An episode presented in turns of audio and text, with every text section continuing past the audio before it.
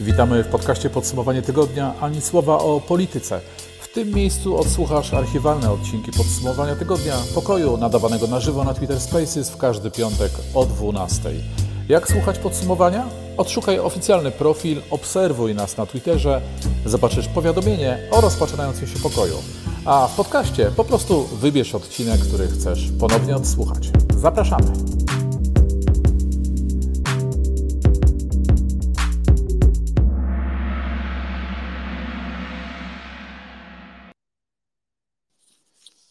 Dzień dobry, cześć. W Twoich słuchawkach e, zaczyna się podsumowanie tygodnia.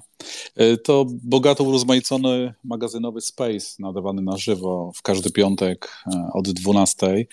E, z możliwością odsłuchania każdego odcinka na profilach prowadzących to głosowe spotkanie.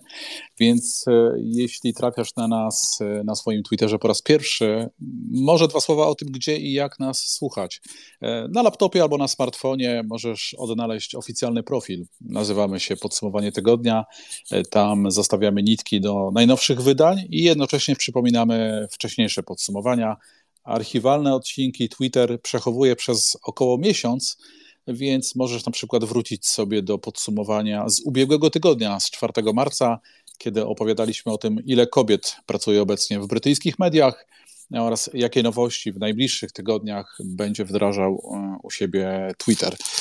Tymczasem w tej chwili na żywo witamy Was i pozdrawiamy ze studia podsumowania tygodnia. Rusza taśma z zapisem dzisiejszego wydania 18 e, marca 2022 roku. Przypomnijmy, że ten space jest improwizowany, subiektywny i zawsze wielowątkowy.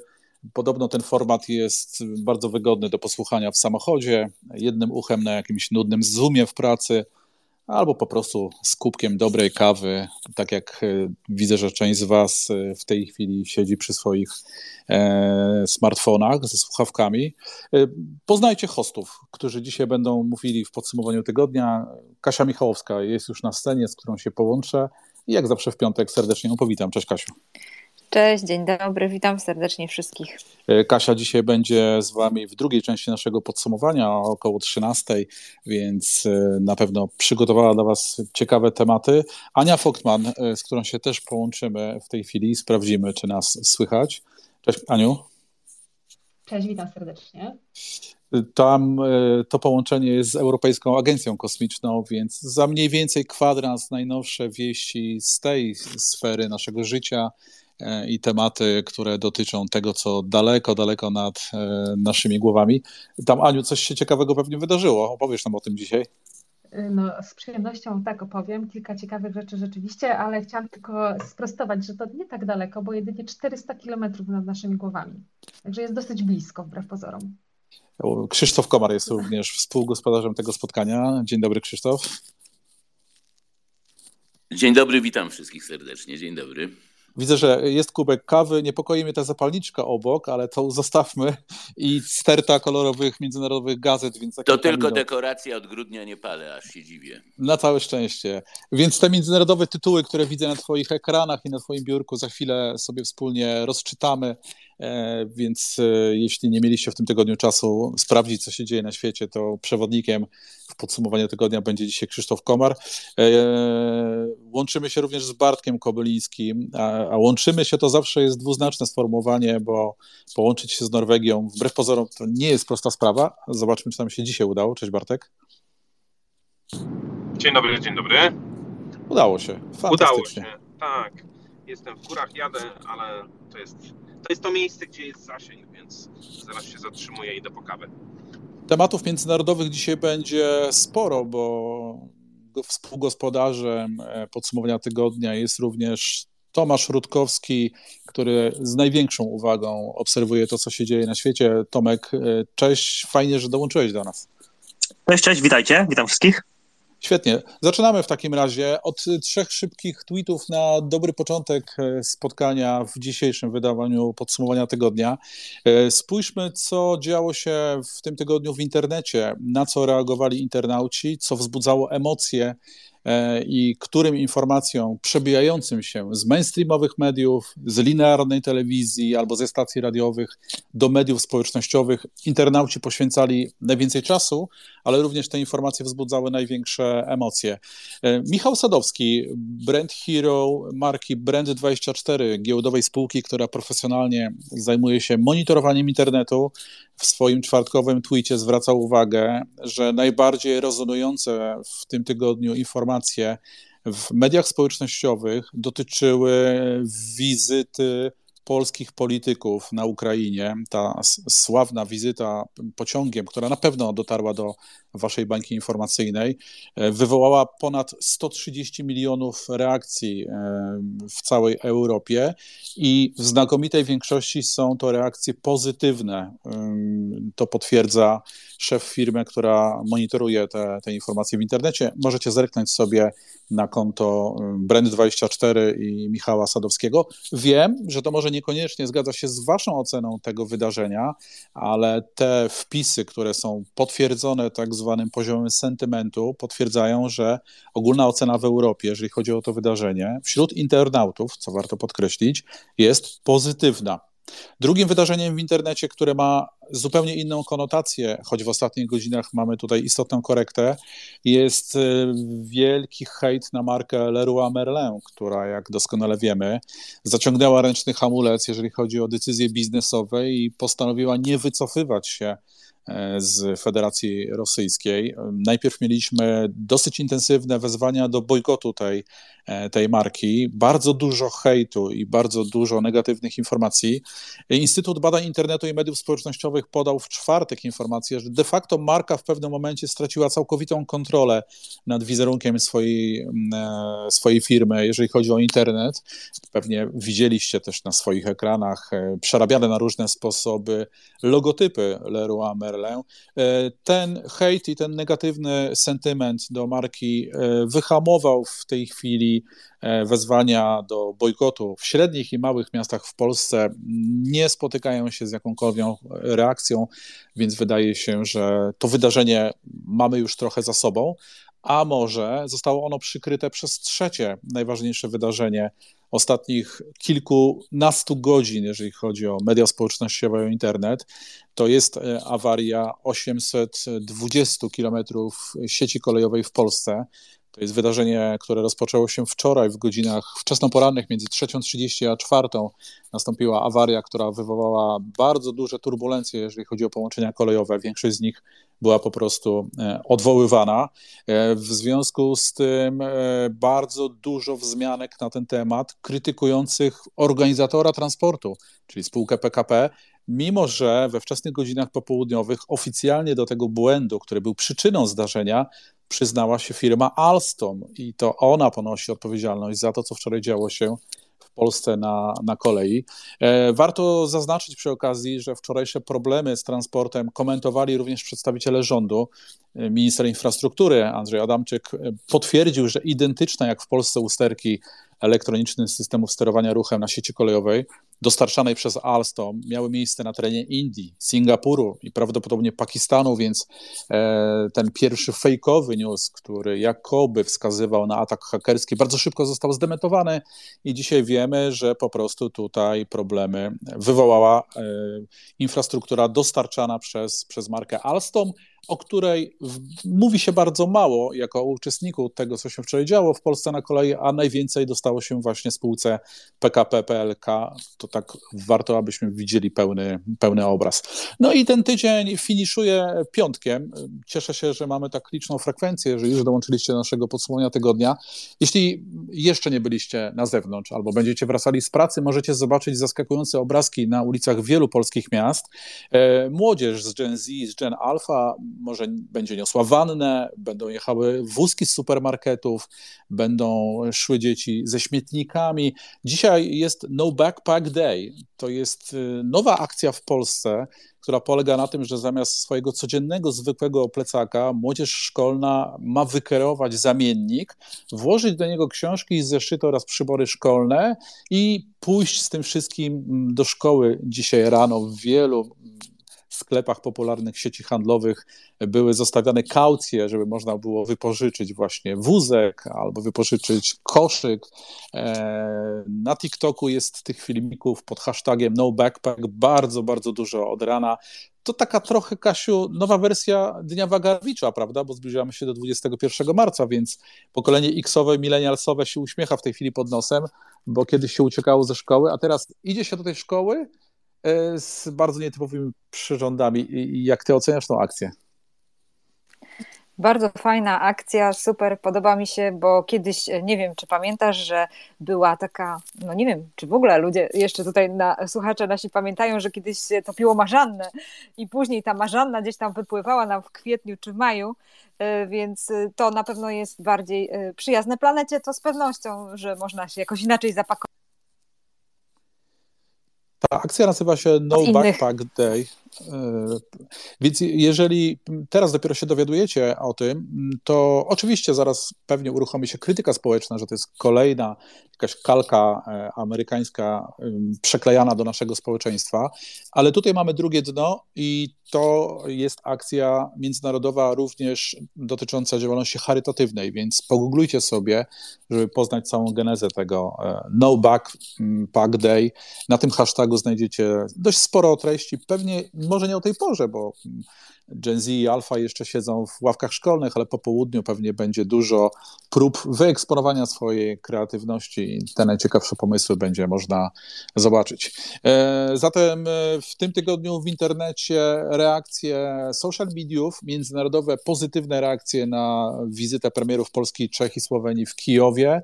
Ponad 130 milionów wzmianek na bardzo wysokim pozytywnym sentymencie, co potwierdza firma, która się zajmuje monitorowaniem tego typu reakcji kryzys wizerunkowy Leroy, Leroy Merlin, trudna do wypowiedzenia nazwa, Leroy Merlin, udało się, choć ten bojkot nie udał się i społeczeństwo nie zareagowało na te wezwania do bojkotu. Wczorajsza około 12-godzinna awaria y, linii kolejowych w Polsce y, i udział marki Alstom oraz y, piątkowe społeczne wydarzenie w dwóch najmłodszych generacjach w Polsce No Backpack Day, e, nietypowe rzeczy zamiast tradycyjnego plecaka, e, w którym nosimy książki i zeszyty. Tak w skrócie wygląda ta bańka internetowa. E, zostawiamy ją na bok? Ok, odłóżmy. A teraz pójdziemy do Krzysztofa Komara z moim kubkiem kawy. Przysiadam się do ciebie i patrzę na twój ekran. Powiedz, dlaczego akurat ten tytuł włączony i co chcesz nam opowiedzieć? E, e, dziękuję bardzo, przeceniasz mnie Janusz oczywiście. Natomiast jeśli pozwolicie, to przy okazji Alstona moja myśl biegnie w takim kierunku, który wydaje mi się dosyć e, ciekawy przez to, że jest charakterystyczny, więc kilka zdań tylko na ten temat powiem, bo, bo, bo się Alston ni stąd ni zowąd pojawił przy, w związku z awarią. Parę lat temu był pomysł, pewnie Tomek wie coraz więcej na ten temat, był pomysł fuzji między Siemensem i Alstonem, i to by powstał największy producent pociągów w Europie.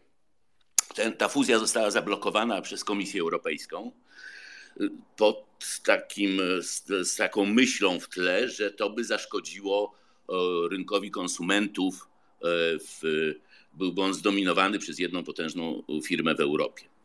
Ale z kolei obrońcy tego pomysłu mówili: OK, w Europie może tak, ale my chcemy walczyć globalnie z Ameryką i z Chinami i to by nas w tej walce wzmocniło. Tę potężniejszą niż pojedynczy Siemens i Alstom firmy. Mnie się wydaje, że to jest dobry przykład do ilustrujący kwadraturę koła wszystkich e, e, problemów między, albo części problemów w tym trójkącie Europa, Stany Zjednoczone, Azja, Chiny. E, czy, co jest no, ważniejsze na tym globalnym poziomie, a ma pewne szkody na poziomie lokalnym, powiedzmy europejskim i odwrotnie. I nie ma tutaj dobrego rozwiązania, tak bym powiedział, więc moja myśl tu w ten, pobiegła do, do Alstona.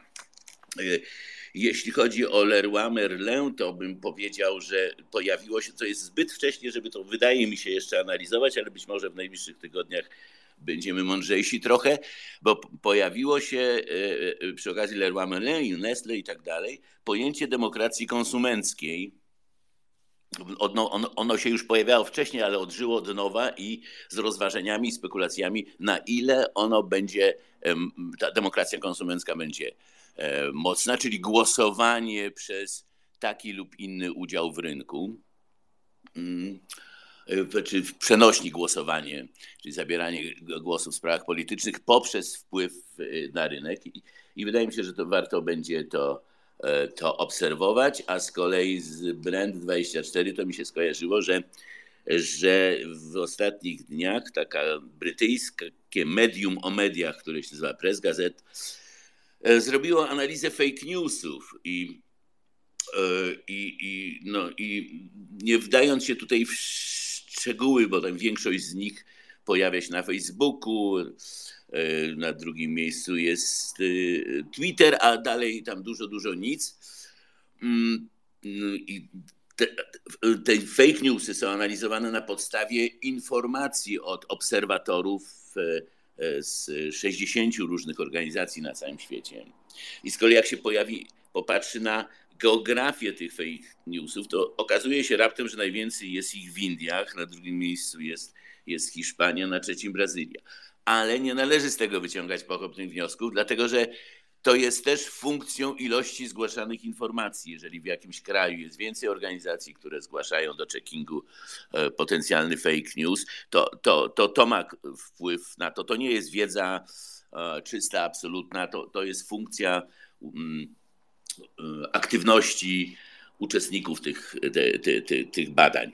Ciekawe jest też to, że ponad jedna trzecia tych fake newsów swojej treści, w, tych, w tym, co się nazywa headlinem, czyli tytułem albo wstępem, miała je ponad jedna trzecia miała takie słowa, pojęcia jak armia, e, żołnierz, ofensywa, a jedna piąta miała pojęcia związane z bronią nuklearną, e, chemiczną, biologiczną.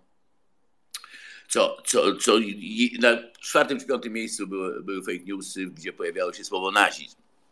Więc wydaje się, że to, to logicznie odbija też nasze wyobrażenia z newsów w różnych kanałach, e, jakie fejki i w jakiej sprawie są, są używane. Wydaje się to dosyć e, logiczne. Mm, I ostatnie moje wrażenie, bo akurat mi się, mm, e, tam mi świeci CNN gdzieś na ekranie, że jestem zdumiony, jak co świadczy też o moich ograniczeniach umysłowych, mówiąc samokrytycznie, jak wielu rozmówców w kanałach brytyjskich, anglojęzycznych, e, wielu rozmówców z Ukrainy świetnie mówi po angielsku. Jestem naprawdę pod du dużym wrażeniem, co świadczy że, o tym, że moje przynajmniej wyobrażenia, że Ukraina jest, jest trochę bardziej na wschód, w związku z tym trochę bardziej od świata, również anglosaskiego, no może są prawdziwe, ale nie, nie, nie, nie, nie całkiem. Naprawdę robi na mnie duże wrażenie, jak wielu młodych ludzi, nie tylko młodych, świetnie się komunikuje z prowadzącymi y, w CNN-ie. No, różne jest, jeszcze jest trochę newsów ze świata y, mediów, ale to może już wystarczy. Za chwilę połączymy się z Polką pracującą w Europejskiej Agencji Kosmicznej. Mamy wielki zaszczyt gościć Anię Fokman co tydzień w podsumowaniu tygodnia. E, tymczasem trzy szybkie tweety, które w tym tygodniu też krążyły w różnych bańkach informacyjnych. 22 marca z fabryki Tesla pod Berlinem wyjadą pierwsze samochody. Klienci mają otrzymać auta podczas e, specjalnej imprezy, na której spodziewany jest e, Elon Musk chyba po raz pierwszy, wydaje mi się, będzie tak blisko Polski, więc e, hej Ilon, jeżeli nas słyszysz, wpadaj do nas e, do podsumowania albo po prostu wpadaj do nas. E, jesteśmy fajnym krajem, jeżeli jeszcze u nas nie byłeś. Dzisiaj w podsumowaniu będzie również Bartek Kobeliński, który pracuje dla biznesów powiązanych z Teslą, więc zaraz Bartek podpytam cię, czy dostałeś już firmowego maila i masz szybko przyjeżdżać na imprezę z twoim szefem. 22 marca jest ten event, e, jeżeli chodzi o Tesla. 10 milionów Polaków nosi w portfelu kartę Moja Biedronka. To jest największy program lojalnościowy w Polsce. E, a ponieważ pod nosem Biedronce wyrosła w ostatnich latach silna konkurencja w postaci aplikacji Żabki, wielkiej mody na żabsy, Biedronka postanowiła trochę powalczyć o swoje i w tym tygodniu oficjalnie potwierdziła, że jeszcze przed Wielkanocą wyleci nowa aplikacja dla klientów tej sieci handlowej. Po co o tym mówimy? No, wbrew pozorom to jest ważne, ponieważ premiery aplikacji w ostatnich latach były niezauważalnym, ale istotnym zdarzeniem społecznym. Aplikacja Rossmana jest odpowiedzialna za wielką cyfrową edukację seniorów w Polsce i Silver Generation. Pewnie widzieliście na zakupach panie z urocz, uroczą, niesamowitą urodą e, i pięknie zachowanymi rysami, ale z wyraźnym wiekiem, które sprawnie poruszają się na smartfonie, to właśnie dzięki temu, że pojawiła się ta aplikacja, wiele osób się nauczyło korzystać z internetu i ze smartfona. Takim samym wydarzeniem była aplikacja Żabki, więc e, my może tego tu i teraz nie zauważamy, ale Biedronka z 10 milionami klientów może zaraz stać się takim wielkim, ruchomym uniwersytetem cyfrowym dla wielu, wielu Polaków. To drugie wydarzenie z tego tygodnia. I ostatnie, czy już słyszeliście o wujku Wani? Wujek Wania to nowa nazwa McDonalda. Jak wiecie, McDonald zamknął 850 lokali w Rosji, a ponieważ Rosja jest na tyle perfidnym narodem, że bez pytania bierze to, co nie należy do niej, to 12 marca do rosyjskiego urzędu patentowego złożono wniosek o znak patentowy i przemianowanie wszystkich zamkniętych restauracji Maka na markę Wujek Wania. E, wrzućcie sobie w Google wujek Wania McDonald's, zobaczcie, że nawet bezczelnie przerabiają sobie logo Maka, tak żeby to jak najbardziej przypominało to do czego przyzwyczaili się klienci. I znowu wydawać by się, że to jest takie wydarzenie komercyjne i biznesowe. Tymczasem w tej sprawie wypowiedział się przewodniczący Dumy Państwowej, no to nie przymierzając tak jakby u nas w sprawie jakiegoś baru z burgerami wypowiedział się co najmniej marszałek Sejmu. E, Wieczesław Wołodin powiedział, że musimy chronić ludzi, ponieważ firmy się z Rosji wycofują, a ludzie muszą pracować, a do tego mieliśmy łańcuchy dostaw i te surowce płynęły do Maka, więc nie możemy pozwolić na to, żeby teraz tyle osób było poszkodowanych, więc y, był McDonald's w Rosji, nie ma McDonald'sa, będzie sieć wujek Wania. E, no i jak widzicie, e, można sobie nawet z takimi rzeczami poradzić. To nie jest jedyny wątek brania tego, co nie należy do nas, no bo w Rosji w tej chwili trwa wielka nacjonalizacja. E, nie chcą oddać leasingowanych samolotów. No generalnie du dużo rzeczy teraz się dzieje poza, poza prawem całkowicie. E, ja bardzo się zastanawiam, jak się będą nazywały zestawy w Macu, czy ten wujek Wania się też jakoś zwizualizuje. Widziałem już memy właśnie takich wujków Wań, którzy mają być ambasadorami tej marki. Jeżeli macie jakieś przykłady tego, to wrzucajcie na, na swoje tablice. Na pewno to pokażemy u nas. E, Okej. Okay. E, nie wiem, czy wujek Wania jest wśród Twoich kolegów. E, Ania, czy Ty masz kogoś o tym uroczym imieniu Wania w Europejskiej Agencji Kosmicznej? Wania nie, ale rzeczywiście Europejska Agencja Kosmiczna jest e, jedną z najbardziej międzynarodowych organizacji w Europie. I rzeczywiście mamy bardzo dużo kolegów i koleżanek z różnych stron świata, w tym oczywiście z Rosji. I dominującym imienie, imionem jest zdecydowanie Dimitri wśród moich kolegów. Okej, okay. to zaraz ten, zaraz y, przysunę się do ciebie z kubkiem kawy, a teraz jeszcze zobaczymy, czy w sprawie wujka Wani na scenę wskakuje Monika, bo może już miała okazję widzieć ten, zestaw, widzieć ten zestaw. Cześć Monika, hej. Cześć, ja chciałam się trochę cofnąć do poprzedniego tematu, bo usłyszałam o aplikacji Biedronka, a tak się składa, że mam trochę wiedzy w kwestii aplikacji e, Żabka, bo nie wiem, czy wiecie, ale w Polsce pojawiły się już parę miesięcy temu e, tak zwane Żabka Store. to nie jest już taka klasyczna żabka, do której idziemy po kicy i po hot dogach, tylko to jest sklep, który jest bezobsługowy. E, I w Warszawie mamy kilka lokalizacji takich sklepów. Miałam okazję wczoraj być pod jednym z nich w centrum przy Brackiej. Jak ktoś nie jest z Warszawy, to powiem, że to jest obok Witkaca, czyli naj, najbardziej ekskluzywnego centrum handlowego w Polsce i powiem Wam szczerze, że no, spędziłam tam parę godzin e, na tej Brackiej i jestem ogromnie zdziwiona niektórymi zachowaniami ludzi. E, ale z takich ciekawych historii wyobraźcie sobie sytuację, ulica Bracka 3, piękny słoneczny dzień i przechodzi mnóstwo starszych pań, tak samo jak starszych panów. Obsługa tutaj jakby na zewnątrz żabki ubrana w logotypy żabki informuje, że żeby wejść do sklepu należy mieć aplikację należy aktualizować tę aplikację, bo wiadomo, najnowsza aktualizacja tylko posiada tą opcję i należy podpiąć kartę płatniczą. Na razie tylko polskie, ale wiem, że jest plan, żeby też były inne, inne karty. Mm, I sama byłam świadkiem sytuacji, gdzie taka starsza pani, no bank starsza od mojej babci, e, podeszła do, do hostessy i zapytała, czy ona y, może wejść do sklepu. No i to hostessa jej tłumaczy, że no tak, oczywiście, no, trzeba mieć aplikację, trzeba mieć kod QR, to wygenerować. No i ta pani powiedziała, nie, nie, ona to nie telefonu, no ma jakąś komórkę gdzieś w domu, ale nie, nie. Bo ona chciała kupić łososia wędzonego, bo wiecie, ona usłyszała placki ziemniaczane, jej wnuczek lubi z łososiem wędzonym. Więc ja stanęłam z boku i tak usłysząc tą cudowną historię, stwierdziłam, że ja sama ten, tego łososia kupię. Okazało się, że niestety asortyment żabki story jest bardzo ograniczony i jest tylko kanapka z łososiem, ale mnie to osobiście rozczuliło, że są starsze panie, które chcą kupić y, łososia wędzonego w aplikacji, czy w żabce, do której można wejść tylko za pośrednictwem kodu QR, który jest generowany w aplikacji. Dzięki bardzo za tę historię, Monika. Okej, okay. Europejska Agencja Kosmiczna to miejsce, w którym pracuje współgospodyni tego pokoju, e, Ania Vogtman. E, o tej porze to druga kawa, czy ty raczej jesteś z tych, co tylko poranne espresso? Jak, jak zaczynają dzień ludzie w twojej branży? No, ja muszę przyznać, że jestem wyjątkiem i zdecydowanie w mniejszości, ponieważ ja y, mam już na rachunku dzisiaj 3 litry herbaty z cytryną, ja po polsku, natomiast niestety, znaczy nie, większość Niemców y, albo społeczności powiedzmy międzynarodowej jest, jedzie jednak na kawie. E, dla mnie kawa to espresso i po obiedzie zdecydowanie. Patrzę na twoje notatki, widzę, że tematy rosyjskie powrócą, bo widzę, że telenowela się zrobiła. Słuchamy cię uważnie. Zrobiła się telenowela, ale jeszcze nawiążę do tego, co powiedziałaś o największym programie lojalnościowym, bo jak ty powiedziałaś Biedronka, to mi się przypomniały paszporty Polsatu, e, ale to taka, taka dygresja, e, powrót do przeszłości. Tak, a w, w kosmosie y, rzeczywiście ta saga, saga nie ustaje i oczywiście mamy kontynuację jakby pokłosie wszystkiego tego, co się wydarzyło w ostatnich dniach e, w związku z inwazją rosyjską na Ukrainę.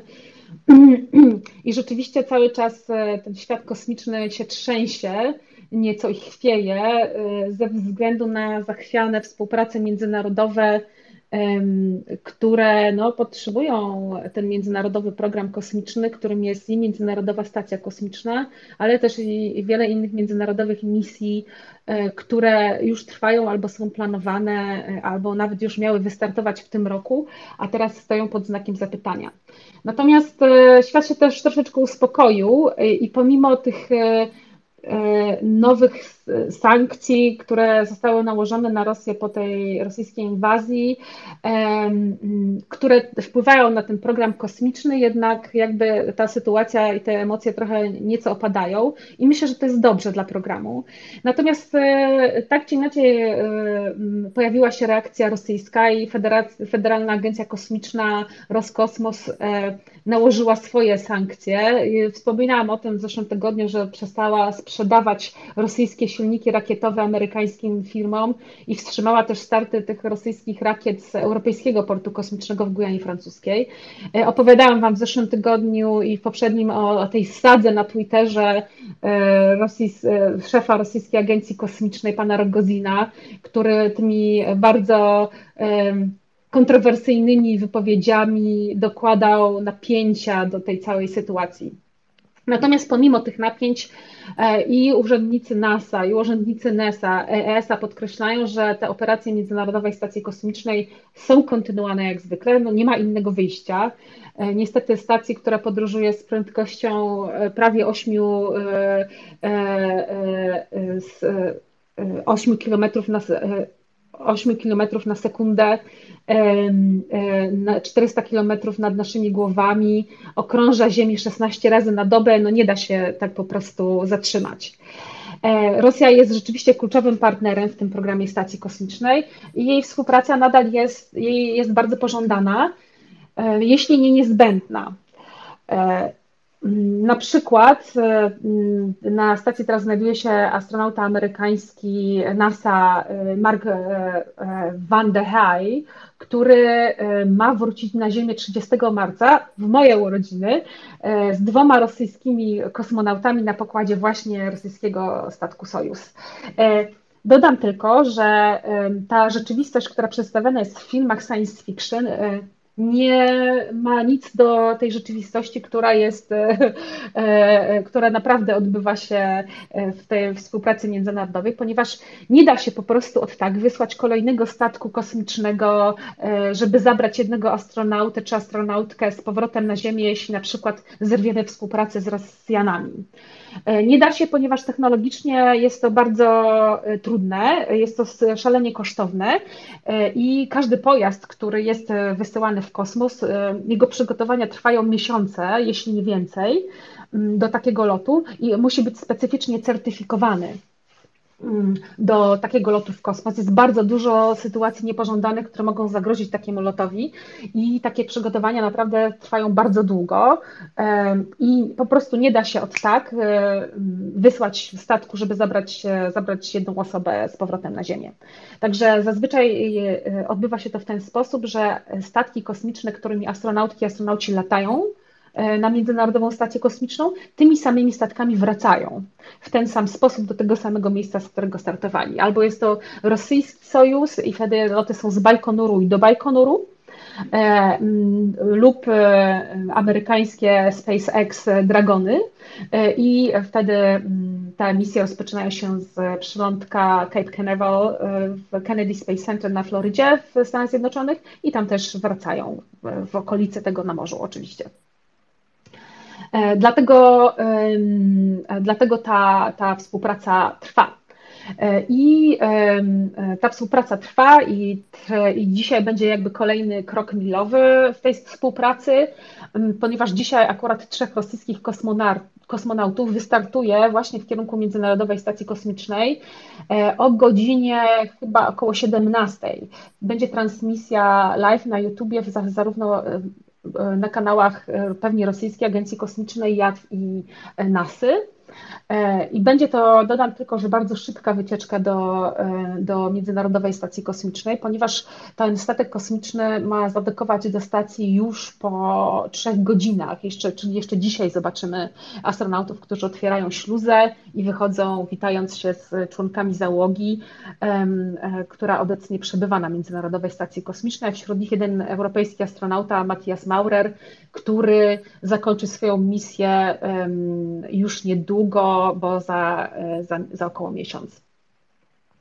E, I to, to otwarcie tego, e, tej śluzy i e, zazwyczaj po otwarciu takiej śluzy odbywa się uścisk rąk pomiędzy wszystkimi astronautami, którzy przybywają na stację, a tymi, którzy już tam są. Na pewno będzie to bardzo trudny moment dla całej załogi obu statków kosmicznych, ponieważ jest to pierwsza misja rosyjska przeprowadzona od e, właśnie rosyjskiej inwazji na Ukrainę. I e, ta, oczywiście ta inwazja, pomimo że ten program kosmiczny już jakby się bardzo e, os, o, stara się odnaleźć w tej, w tej nowej sytuacji geopolitycznej, to cały czas jest, jak już wspomniałam wcześniej, tą sytuacją chwiany. E, I oczywiście astronauci też wyrażają swoje poglądy i stają e, po stronie wartości, które wyznają. I opowiadałam Wam w zeszłym tygodniu o tej wojnie na Twitterze pomiędzy weteranem astronautą Scottem Kelly, który jest taką gwiazdą lotów kosmicznych e, nowożytnych amerykańskiej agencji NASA, a właśnie Dimitri Rogozinem. Natomiast w tym tygodniu doszło do jakby zmiany mm, zmian podejścia tego astronauty, ponieważ on powiedział w wywiadzie dla CNN, że wycofuje się Scott Kelly z tej głośnej wojny na Twitterze właśnie z szefem rosyjskiej agencji kosmicznej, a e, to wycofanie się było pokłosiem maila wysłanego przez wysokich urzędników NASA do wszystkich astronautów agencji e, NASA, że takie ataki, takie wojny na, w mediach społecznościowych pomiędzy właśnie przedstawicielami wysokiej rangi dwóch E, agencji współpracujących są szkodliwe dla misji Międzynarodowej Stacji Kosmicznej. I to ostrzeżenie właśnie było wysłane mailem. Mm, e, ono było wysłane w zeszłym tygodniu e, i właśnie ten mail wezwał do ostrożności przed zaatakowaniem rosyjskich partnerów tego międzynarodowego programu stacji kosmicznej ta, ta, ta wojna w Ukrainie zmusiła wielu astronautów, ale Kelly'ego szczególnie do wypowiadania się przeciwko właśnie szefowi tej rosyjskiej agencji kosmicznej. I, i rzeczywiście stawia NASA i poprzez tego, że, że Scott Kelly reprezentuje NASA e, w dosyć nie, niekomfortowej sytuacji, e, ponieważ międzynarodowe agencje kosmiczne, w tym ESA, no starają się, starają się zachować tą dwudziestoletnią współpracę z Rosjanami na Międzynarodowej Stacji Kosmicznej. Ten, w tym mailu podkreślono, że, że wolność słowa jest bardzo istotna i że wszyscy upoważnieni są do wyrażania swoich myśli. Natomiast właśnie ostrzeżono, że jako astronauci NASY te, te słowa mają dodatkową wagę, a atakowanie rosyjskich partnerów jest szkodliwe dla tych obecnych misji. Niestety ten mail, e, przynajmniej tak zaraportowano w CNN, nie odniósł się do e, atakowania ze strony Rosyjskiej Agencji Kosmicznej, e, ale też ze swojej strony widzę, że taka eskalacja nie ma najmniejszego sensu, a zachowanie tego bezpieczeństwa tego programu jest, jest w najlepszym interesie zarówno NASA, jak i ESA, jak i innych agencji kosmicznych, w tym Rosji, mimo że nie jest to do końca jasne z wypowiedzi właśnie pana Dimitra Rogozina, szefa Roskosmosu.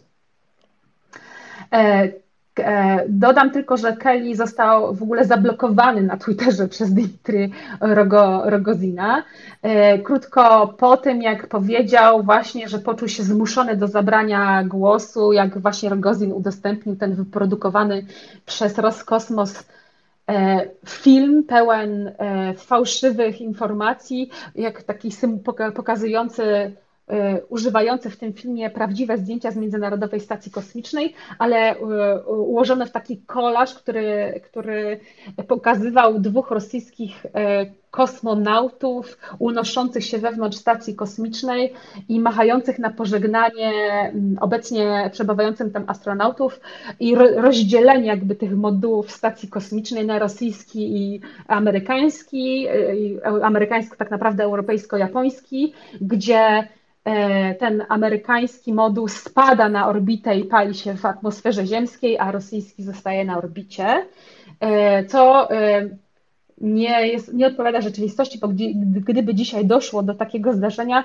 to sytuacja byłaby odwrotna, czyli ten moduł amerykańsko-europejski zostałby na orbicie i byłby w stanie podtrzymać swoją wysokość, natomiast moduł rosyjski spadłby na Ziemię, paląc się w atmosferze ze względu na to, że jest to absolutnie niesamodzielny moduł, który jest całkowicie zasilany z, przez te moduły amerykańsko-europejskie. Natomiast było to niesamowicie silne, emocjonalne, nacechowane emocjonalnie i zdecydowanie e, uderzające w te propagandowe e, narracje e, rosyjskiej, w zasadzie szefa rosyjskiej agencji kosmicznej, które niekoniecznie odpowiadają zdaniom czy, czy nastrojom wewnątrz samej agencji. Natomiast stanowisko zarówno NASA i ESA jest takie, że e, wszystkie agencje chcą, aby Międzynarodowa Stacja Kosmiczna nadal była flagowym modelem współpracy międzynarodowej i zdecydowanie jakby tępią te albo gaszą te e, e, rozemocjonowane nastroje wewnątrz członków wszystkich agencji. E, w ESie również my jesteśmy pouczani regularnie, żeby wypowiadać się w sposób stonowany i zdecydowanie mm, e, teraz agencja chce bardziej kontrolować te wszystkie PR-owe e, aktywności właśnie, żeby zapobiec ewentualnym ewentualnej eskalacji w przestrzeni publicznej pomiędzy partnerami tej współpracy międzynarodowej. Natomiast e, ta saga cały czas trwa i ta, pewnie będę Wam w przyszłości jeszcze opowiadała o tym, o nowych jakby nowych sytuacjach, które pojawiają się, czy problemach, które pojawiają się właśnie w wyniku e, wojny, e, która teraz trwa.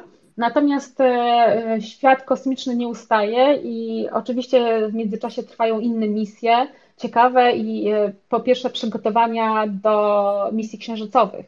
No i w zeszłym tygodniu opowiadałam o tych przygotowaniach do misji Artemis e, i te, te, te przygotowania wyszły na kolejny etap w tym tygodniu, ponieważ NASA dokładnie wczoraj rozpoczęła kolejny etap przygotowań tej misji Artemis 1. E, przypomnę, że jest to misja z kapsułą załogową, w której nie będzie załogi. Jest to misja europejsko-amerykańska, w której która ma na celu okrążyć księżyc e, i pomierzyć e, różne parametry mm, środowiskowe, żeby sprawdzić, czy ta kapsuła rzeczywiście jest, spełnia wszystkie wymagania podtrzymywające życie i spełnia wszystkie wymagania bezpieczeństwa dla załogi, która już w kolejnej misji będzie leciała na, na orbitę wokół Księżyca. No i wczoraj e, na ogromnym pojeździe takim gąsienicowym wytrans zaczęto transportować tą jedną z największych rakiet dotychczas Space Launch System, czyli ta rakieta w krótkiej, krótko nazywa się SLS, która na, na swoim szczycie posiada tę kapsułę Orion, E, która jest właśnie kapsułą załogową i zaczęto wyprowadzać tą, e, tą rakietę z tą kapsułą mm, z budynku właśnie montażu pojazdów w Kennedy Space Center na Florydzie na pad, czyli na tą platformę do startów rakiet. Zaczęło to się dziać wczoraj e, późnym popołudniem, a raczej dzisiaj w nocy. Mm, E, wczoraj, wczoraj w nocy, jeśli chodzi o czas europejski. E, I takie wyprowadzenie pewnie jeszcze może chwilę trwać, ponieważ ono trwa wiele, wiele godzin, kilkanaście godzin, więc nie wiem, czy już się zakończyło albo, albo zakończy się lada moment. Jest to olbrzymi przełom i bardzo ważny moment dla całego programu, e, który ma na celu właśnie ustanowienie długoterminowej, zrównoważonej obecności na człowieka na Księżycu do końca lat 20. Czyli w tych, w tych latach 20. E, tam pierwsza misja już wystartuje teoretycznie w tym roku. W praktyce zobaczymy. Mm, z mojego doświadczenia z, ze współpracy w tym w programie wynika, że y, może dojść do kolejnego opóźnienia, ale wszyscy trzymamy kciuki, że jednak uda się wystartować tej rakiecie jeszcze w tym roku. E, natomiast e, w tym dziesięcioleciu najbliższym odbędą się kolejne misje, e, które już będą misjami załogowymi. Będzie ich pięć mm, lub sześć nawet. I do końca NASA i ESA cały czas deklarują, że do końca lat 20 zobaczymy pierwszego Europejczyka lub pierwszą Europejkę na powierzchni Księżyca. E, czy to się wydarzy w tej dekadzie, czy w, na początku następnej? E, ja uważam, że pewnie na początku następnej, e, ale jestem przekonana, że zobaczymy naszych przedstawicieli europejskich zdecydowanie na orbicie wokół księżycowej, co będzie już ogromnym wyczynem, jeśli chodzi o loty załogowe w Europie. No i to, była, to było jakby takie wydarzenie tego tygodnia, które jest bardzo świeże. Ale też było jeszcze innych, e, e, innych, inne ciekawe wydarzenia czy obserwacje, które, które zostały ujawnione w tym, w tym tygodniu. Po pierwsze, nawiązując do zeszłego tygodnia, nie wiem, czy to w tym, e, w tym naszym spotkaniu, w podsumowaniu tygodnia, czy na innej platformie, ktoś mnie zagadał, że już powinniśmy mieć zdjęcia z, z, z teleskopa Jamesa Webba w połowie marca. No i proszę, i mamy. W środę 16 marca te właśnie zespoły tego kosmicznego teleskopu Jamesa Webba e, opublikowały pierwsze zdjęcie wykonane z pełnym wyrównaniem tego głównego zwierciadła tego bardzo skomplikowanego teleskopu. Zdjęcie to przedstawia gwiazdę o nazwie HD 84406 która według naukowców jest strasznie nudną gwiazdą, ale została wybrana dlatego, ponieważ ona ma strasznie małą widoczność gołym okiem, i, ale ma bardzo też ciekawe położenie na niebie. Ta gwiazda świeci 100 razy słabiej niż to, co właśnie ludzie, ludzie widzą gołym okiem, ale Webb e, zobaczył ją jasną i wyraźną. E, I nie tylko tą gwiazdę, ale też dziesiątki innych galaktyk w oddali, e, które wcześniej była poza, poza zasięgiem obserwatorów, obserwatoriów kosmicznych. E, jest to e, kolejny krok milowy osiągnięty przez ten teleskop Jamesa Webba i daje nam olbrzymie nadzieje na, na fantastyczne zdjęcia nieodkrytych dotąd przestrzeni w, w kosmosie e, przez dotychczasowe obserwacje. No i kolejną, kolejnym ciekawym wydarzeniem, a raczej obserwacją, była obserwacja dokonana i opublikowana, znaczy dokonana wcześniej, opublikowana we wtorek E, w tym tygodniu, ponieważ zaobserwowano małą asteroidę na kursie kolizyjnym z Ziemią e, i to zostało odkryte zaledwie kilka godzin przed uderzeniem w naszą planetę u wybrzeży Islandii. I ta asteroida, nazywana 2022 EB5, została po raz pierwszy dostrzeżona przez węgierskiego astronoma w piątek 11 marca za pomocą jedynie 24-calowego, czyli 60-centymetrowego teleskopu. I kolejne obserwacje właśnie potwierdziły to odkrycie tej asteroidy i umożliwiły astronomom obliczenie dokładnie trajektorii, dokładnej trajektorii kosmicznej tej, tej asteroidy, która na szczęście miała zaledwie kilka metrów wielkości. E, czyli była na tyle mała, żeby nie stanowić zagrożenia dla, e, dla Ziemi. E, I nie istnieją jeszcze, ale pewnie już nie istnieją relacje naocznych świadków z tego wydarzenia, kiedy ona uderzyła w Ziemię. Dane z międzynarodowej sieci czujników właśnie potwierdziły, że ona uderzyła między Islandią a Grenlandią i to spowodowało nawet lokalne, bardzo łagodne wstrząsy ziemi, porównywane z trzęsieniem ziemi o sile 4 w skali Richtera. I dodam tylko na zakończenie, że mm, mm, taka, e, taka, taka mała asteroida e, jest to nic e, zagrażającemu Ziemi, a jeżeli chodzi o takie potencjalne zagrożenia dla Ziemi, no to takie duże obiekty, które mogą rzeczywiście zagrażać naszej planecie i, i życiu tutaj, są monitorowane w przestrzeni kosmicznej. W, w przestrzeni, w Układzie Słonecznym znajduje się bardzo wiele sond pochodzących e, od wielu agencji kosmicznych i te sondy monitorują wszystkie większe obiekty, które mogą potencjalnie zagrażać naszej planecie. I e, takich obiektów porusza się w Układzie Słonecznym aż 30 tysięcy. Natomiast e, e, jest żaden z tych obiektów w, najbliższej, e, w najbliższym czasie nie jest uważany za, za zagrażający Ziemi właśnie w najbliższym, e, w najbliższym czasie. Mm, oczywiście takie projekcje są robione na powyżej 100 lat również, natomiast takie trajektorie mogą się jeszcze zmienić z różnych względów. Natomiast fakt faktem Ziemia e, jest e, mało zagrożona przez, te, przez takie wydarzenia, ponieważ e, na szczęście wokół, w najbliżej nas znajduje się Jowisz, jest to planeta, która jest wielokrotnie większa od Ziemi i która swoim polem grawitacyjnym ściąga takie duże obiekty, które, e, które uderzają w Jowisza e, i chroni właśnie to pole grawitacyjne Jowisza, chroni Ziemię przed takimi dużymi obiektami poruszającymi się w Układzie e, Słonecznym. I tym optymistycznym akcentem oddam głos do studia. Janusz. No, y, przepraszam, Januszu, jeśli mogę, bo nie mogę wytrzymać po tym.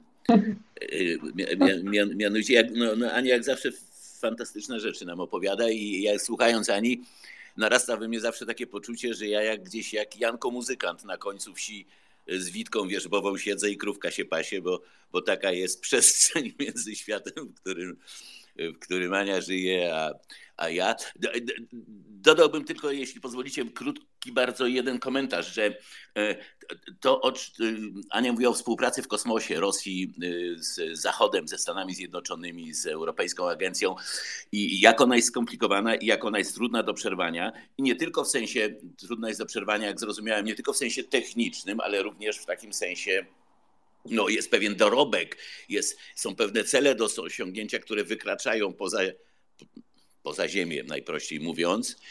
I e, bardzo trudno jest je przerwać. Też są jakieś wartości za tym. Zmierzam do tego, że jak tak siedzimy tutaj i, i, i jako Jankowi muzykanci i, i, sobie dyskutujemy, co tam świat powinien zrobić, jak może zrobić, tutaj odciąć, tam przeciąć, to dobrze byłoby mieć w głowie czasami komplikacje tego świata, te pajęczyny powiązań, te zależności różne. I mówię to również w tym kontekście, że w ostatnim okresie i będziemy to obserwowali, i ja w każdym razie z ogromną ciekawością pomieszaną z niepokojem, i, i, i Was też zachęcam, żeby może to obserwować bez niepokoju, że po zapowiedzi Xi w Chinach o, o konieczności samowystarczalności tego, co jest w misce chińskiego obywatela, co było przenośnią, po State of the Union adres Bidena, że Stany Zjednoczone powinny być samowystarczalne, to tak naprawdę trudno to sobie wyobrazić przy tej siatce e, powiązań, a z drugiej strony być może świat zacznie do tego dążyć e, i e, co odbędzie się pewnym kosztem. I uważam to za szalenie ważne do obserwowania. Chcę powiedzieć, że w ostatnim numerze Ekonomista ukazał się komentarz na ten temat, który Mm, który miał tytuł y, będący parafrazą filmu z Julią Roberts, Sleeping with the Enemy, był taki film chyba ze 30 lat temu. I oni dali tytuł do komentarza Trading with the Enemy. I tam jest próba rozważań, co się stanie ze światem, kiedy autokratyczne gospodarki uzyskują coraz większy udział w światowym produkcie, na ile demokratyczne, otwarte społeczeństwa mają współpracować z autokratycznymi gospodarkami, a na ile nie, jakim kosztem, i tak dalej, i tak dalej. Zmierzam do tego, że warto to obserwować, to nie będzie proste i taki mój komentarz po Ani. Dziękuję bardzo. Pozdrawiamy Was, słuchacze podsumowania tygodnia i pozdrawiając, wysyłamy Wam informację. Uwaga, to może być afera tej skali jak Cambridge Analyticsa. Zapamiętajcie sobie moment, w którym mówimy o tym po raz pierwszy. W tym tygodniu technologiczne media za oceanem skupiły swoją uwagę na startupie, który nazywa się Clearview AI który zaczął oferować swoją technologię Ukrainie i od 12 marca, choć Ministerstwo Obrony Ukrainy tego oficjalnie nie potwierdziło. E, z usług tego startupu zaczęto korzystać w czasie wojny. No o co chodzi? Chodzi o to, że Clearview AI zajmuje się cross-matchingiem i dysponuje w tej chwili największą na świecie bazą zdjęć pobranych z social mediów i z internetu. No i nie dostając oficjalnego zamówienia, ten startup pobrał sobie 2 miliardy zdjęć z serwisu w kontakcie. W kontakcie to taki rosyjski Facebook E, które od dawna ma lepszą pozycję niż e, rozpoznawalne medium społecznościowe u nas. E, mając tę bazę zdjęć w kontakcie i mając wcześniej 10 miliardów innych zdjęć, do tego zaprzęgli jeszcze sztuczną inteligencję. No i to wszystko zostało zaoferowane i według niepotwierdzonych ciągle informacji od poprzedniej soboty jest używane do identyfikacji zabitych żołnierzy rosyjskich bez konieczności pobierania odcisków palców palców i bez konieczności e, pobierania tak zwanego nieśmiertelnika. Dzisiaj przed południem Tadeusz Krzywda w komentarzu na naszym profilu tłumaczył, e, że ten nieśmiertelnik to jest taka metalowa blaszka składająca się z dwóch części e, i tam też może być próbka, próbka krwi. Jeśli znacie taką aplikację Shazam, która przykładana do głośnika pozwala nam zidentyfikować piosenkę, to to może działać podobnie. No i teraz dlaczego jest taka wielka dyskusja na ten temat. No, Clearview AI e, to jest zły bohater wielu opowieści w ostatnich miesiącach. Na dzień dobry 17 milionów funtów od brytyjskiego regulatora ochrony danych e, kary za nielegalne pobieranie zdjęć do, do swojej bazy. E, w Stanach Zjednoczonych z jednej strony oficjalna współpraca z amerykańskimi organami ścigania, a z drugiej strony bezustanne procesy sądowe e, i oskarżenia o naruszania prawa do prywatności e, poprzez właśnie pobieranie tych zdjęć do, do swojej bazy. E, I ta sama współpraca, albo może ten sam model współpracy jest również w Australii, gdzie z jednej strony organy ścigania skorzystają z tego, a z drugiej strony są pozwy cywilne o to, że halo, halo, ale to chyba nie do końca takie legalne. Koleś, który to prowadzi, nazywa się Hoan Ton Toh, E, poszukajcie sobie tej nazwy, ten Clearview AI. E, to jest w tej chwili bardzo głośne nazwisko i w ogóle ten cały koncept zaczyna wywoływać e, duże emocje. Dołożyli trochę PR-u, mówiąc o tym, że to nie służy tylko do identyfikacji zwłok zabitych żołnierzy rosyjskich, ale również to może pomagać przy identyfikacji tych uchodźców, którzy utracili dokumenty albo są trudni do zidentyfikowania ze względu na, na choroby, nie wiem, jakieś zaburzenia mowy i tak dalej, i tak dalej. Bardzo dużo się o tym mówi i bardzo ostro, podkreślam ostro, chyba po raz pierwszy, komentuje się postawę również e, Ukrainy w tej sprawie, że biorą sobie jednak e, no nie do końca transparentny i z takim trochę popsutym kompasem moralnym biznes, do, do współpracy. Oczywiście mamy chaos wojenny, może nie było czasu tego dobrze przeprocedować, może ta cała procedura ofertowania była robiona szybko, e, ale no, fakty wskazują na to, że dzisiaj ten, ten system jest w użyciu. Mm, e, zobaczcie sobie, co na ten temat się pisze w internecie. Dużo jest komentarzy. Clearview AI, tak nazywa się ten amerykański startup. E, no i pachnie mi tutaj na kilometr aferą co najmniej tej skali jak Cambridge Analyticsa, bo no, w istocie chodzi cały czas o to samo, czyli trochę nie do końca legalne pobieranie prywatnych e, danych. To taka pigułka technologiczna i też zachęta, żebyście sobie zerknęli w stronę tego, tego startupu. A to, co się dzieje wokół nas, jest taką sytuacją, jak zawsze mówimy na podsumowaniu tygodnia, że mamy wojnę w telefonie. Wojna, która się objawia w bardzo, bardzo różnorodny sposób. Mamy tak zwane pojawia się doom scrolling, e, czyli poszukiwanie z tych złych wiadomości. Jesteśmy od tego uzależnieni, przebodźcowani. Ja też dużo słyszałam informacji w tym tygodniu od osób, które mówią: Kurczę, Kasia, ja czytam dwie strony książek, książki, nie mogę dalej iść. I rozmawialiśmy o tym, co robić, e, jeżeli chodzi o przebodźcowanie i uzależnienie od e, poszukiwania tych treści, więc warto sobie zerknąć na FOMO, ale w gruncie rzeczy wokół tego FOMO jest taka inna strona, która tutaj nam się objawia. Jest to strona e, tej całej plejady memów, które powstają, e, czyli mm, my ciągle nie wychodzimy z, te, z tego telefonu, czyli tak, e, tym, to się mówi tak, że wódkę zagryzamy ogórkiem kiszonym, tak, tak można powiedzieć, albo wódkę zapijamy jakimś, nie wiem, winem czerwonym, w sensie takim, że ciągle alkohol i alkohol, myśląc o tym, że szukamy tych informacji, jesteśmy zmęczeni, prze, przeinformowani, no i uciekamy teraz do tego, żeby, żeby jakoś się odłączyć, no i są te memy i informacje, które są y, żartobliwe, związane z wojną. I no bardzo mnie to ciekawi, jak, jak wy to odbieracie, jak ty, Janusz, na przykład patrzysz na to, jak to jest, y, że, że teraz też czasami przywołujesz jakieś y, informacje, bardziej też śledzi, śledzisz taki Gen Z, wiem, że Gen Z tylko się tym karmi, to jest pewne, że, że oni tylko w taki sposób odbierają tą wojnę, bo wystarczy porozmawiać, czy na, nawet zajrzeć przez ramię, jadąc w komunikacji miejskiej, co przegląda e, przeciętny e, nastolatek, no to głównie tak widzi wojnę i takie informacje e, bierze do siebie. Nie wiem, jak to, czy w szkołach, w szkołach jest poruszane to bardziej. Z tego, co słyszałam, to mało nauczyciele poruszają ten temat związany z wojną, więc nasza generacja młodego pokolenia trawi czy konsumuje wojnę poprzez memy. Co wy o tym sądzicie? Jak to wygląda? Czy to wypada, czy nie wypada? Czy czujecie się jakoś tak obrażeni tym, czy jakoś poruszeni, że, że tak to y, wygląda? A Janusza wy, wywołam najpierw. Słuchajcie, otwieramy scenę w podsumowaniu tygodnia. Zapraszamy was do dyskusji. Wciskajcie łapkę, poproście o głos. Jakby odbieracie w ogóle poczucie humoru i te heheszki, które są splątane z tragedią ludności cywilnej na Ukrainie? No bo przecież czas wojny, tak jak Kasia wspomniała w internecie, to czas tych straumatyzowanych informacji, ale one są przeplatane memami, memami o Putinie, e, memami, moje ulubione ostatnio memy to są o Bartosiaku, który chyba na naszych oczach staje się takim nowym Makowiczem. Oj I, tak, człowiek tak, mem. Wiele, wiele innych. No i teraz jakby pytanie do was, do, do waszego gustu, do tego, co wy widzicie też na swoich ekranach.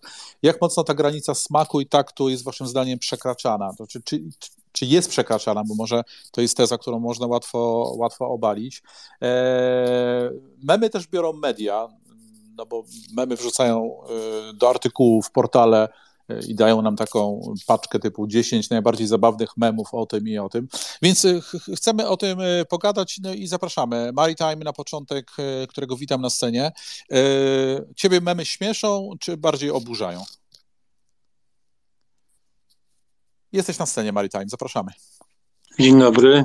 E, uważam, Cześć. że zawsze będzie istniała pewna grupa ludzi niewrażliwych, e, bez kultury, e, która będzie takie rzeczy produkowała i która będzie takie rzeczy konsumowała. Ja się z tym zbytnio nie przejmuję, w tym sensie, że nie zatrzymuję, nawet jak mi się to wepchnie przed oczy, nie zatrzymuję się nad tym, ignoruję to, oczywiście nie szukam takich rzeczy i normalni ludzie, normalni pod różnymi względami, pod względami jakiegoś poziomu kultury, ale także normalni e, pod względem, że tak powiem, psychicznym, a także e, niesocjopatyczni, niesocjopatologiczni, to, to nie będą się tym ani E, ani podniecać, ani korzystać z tego, ani czytać tego, oglądać.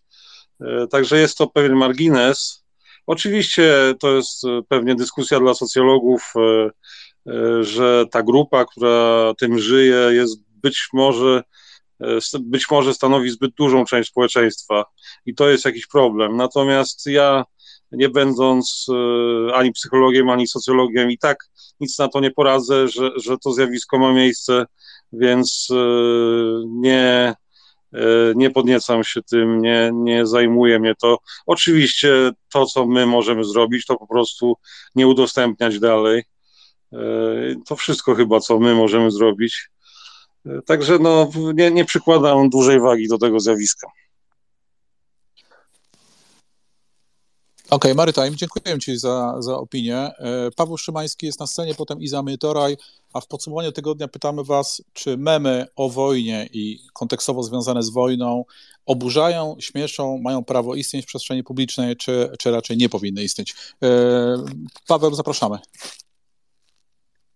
E, cześć wszystkim. Wiecie co, z tymi memami ja też podchodzę bardzo ostrożnie i raczej tutaj dużo się podpiszę przed moim przedmówcą. Czasami, y, czasami zauważam, że wymieniam się nimi, ale raczej wymieniam się tylko z osobami, których poglądów jestem pewien i, i wiem, że to zostanie między nami i nie będzie to dalej udostępniane, prawda? Gdzieś, znaczy bardziej to, żeby trochę rozluźnić, trochę rozładować emocje, ale nie, z, nie, z, e, nie na zasadzie, żeby robić sobie na tym jakiś fame, prawda, żeby podawać to dalej, żeby to gdzieś tam było lajkowane i tak dalej. E, więc na, na, taką chwilę wydaje mi się, że jest to dobre i nawet psychologicznie to może robić jakąś taką dobrą rzecz, że jednak trochę nas e, e no, wprowadza jakieś takie mniejsze emocje w to wszystko, prawda? Więc, ale na pewno jest to trochę, jest to trochę niebezpieczne, że część, te, znaczy, że duża część tego młodego pokolenia głównie na tym głównie na tym, że tak powiem, bazuje. No ale to, to tak jest po prostu, no i chyba tego się po prostu na ten moment nie da zmienić. Dzięki, przekazuję dalej. Paweł, dzięki bardzo. A teraz e, memy oraz to, jakie reakcje te memy wywołują, e, będzie komentowała Iza Mitorej. Iza, witamy Cię, cześć. Dzień dobry wszystkim. Tak, ja powiem, znaczy mnie pewne memy bardzo, bardzo rażą. I e, jestem tutaj, nie ukrywam, aktywnym użytkownikiem Twittera i skanuję, co się dzieje w, e, różnych pokojach, w różnych opcjach, u, u, różnych osób. E, I nie ukrywajmy, że one są, one są bardzo często używane, zwłaszcza w kontekście. Mm, zauważyłam, że mniej w kontekście przez opozycję, bardziej po stronie e, tej, która sprzyja obecnej władzy. E, y, y, I tutaj też mogę nawiązać chociażby do, do, do, do tak zwanych słynnych wiadomości e, TVPiS, które też stosują dokładnie podobną technologię i jak gdyby mnie to razi, tak? E, ja nie publikuję na swoich stronach e, memów, dlatego że dla mnie one są, e, znaczy to jest, to jest karykatura rzeczywistości. Jest to w każdym sensie jeśli one nie są powiedzmy neutralne, nie odnoszą się do sytuacji takich głupich, nie wiem, wylał mi się, wylała mi się kawa, kawa na stół i, i nie wiem, e, i, i, i, kot mi to zlizał, tak, no to, no to e, tak, ale w odniesieniu do takiej tragedii, czy innych tragedii ludzkich, to jest dla mnie bardzo rażące. Natomiast ja zauważyłam tendencję taką, że ewidentnie E, memy e, e, podważające wiarygodność Tuska, Putina, Putin w konfiguracji z Merkel, z, z właśnie z Tuskiem, z innymi osobami z, z opozycji są bardzo, bardzo, bardzo popularne w tej twitterowej przestrzeni. To jest taka, to jest taka moja uwaga, natomiast mnie to bardzo mierzi osobiście i e, nie rozumiem, dlaczego takie rzeczy się produkuje, dlaczego takie rzeczy się publikuje i dlaczego one są akceptowane. Dziękuję. Iza Mitorej komentowała w podsumowaniu tygodnia. Dzięki bardzo. Memy to nie jest polska specjalizacja, od razu sobie powiedzmy. Są memy o Bidenie, o Macron, są memy rosyjskie, ukraińskie. No memy po prostu stały się trochę językiem tego, tego świata. My jeszcze przez chwilę was pytamy, e, czy no właśnie, e, czy powinny być językiem tego świata, czy nie łamią E, zasad dobrego wychowania, może was oburzają, może, a może was śmieszą, może, może kogoś te mamy śmieszą. W kolejności kilka, kilka głosów jeszcze teraz e, Ewelina Szczepaniak, scena jest twoja i mikrofon powinien za chwilę być włączony. Witamy na scenie. Mhm, już widzimy cię, cześć. Łapka w górze, mikrofon może być włączony. Y, do mnie, przepraszam? Tak Aha, jest. Dzień tak, dobry. Ja tylko chciałam tutaj, ja tego nie opiniuję, nie, nie opiniuję, że to jest dobre bądź to jest złe. Chciałam tylko zwrócić uwagę, nie wiem, czy Państwo znacie taką stronę ninegag.com. To jest chyba największa e, i powiedziałabym już jeden z najbardziej opiniotwórczych stron z memami. I zauważyłam taką rzecz, że te memy, które tam są, a tak naprawdę mem, mem niekoniecznie musi być wesoły, on nie musi być radosny. To są po prostu zdjęcia z jakimś bardzo krótkim komentarzem, czyli takie niesamowicie łatwe do strawienia, jak się co chwila skroluje telefon, e, małe zbitki informacji. Czy to jest dobre? No pewnie nie, bo wolelibyśmy, żeby ludzie się zagłębiali, czytali felietony, rozumieli skutki, przyczyny, ale y, młodzi ludzie tak niestety dzisiaj reagują. Mamy to ADHD internetowe, wszystko jest szybkie i na teraz i instant. I co zauważyłam, że bardzo wiele osób z mojego otoczenia, e, które są trochę młodsze ode mnie, bo ja tu jestem taki młody trochę dziaders, ale tacy ludzie po 10-15 lat ode mnie młodsi, którzy polityką nie interesowali się nigdy.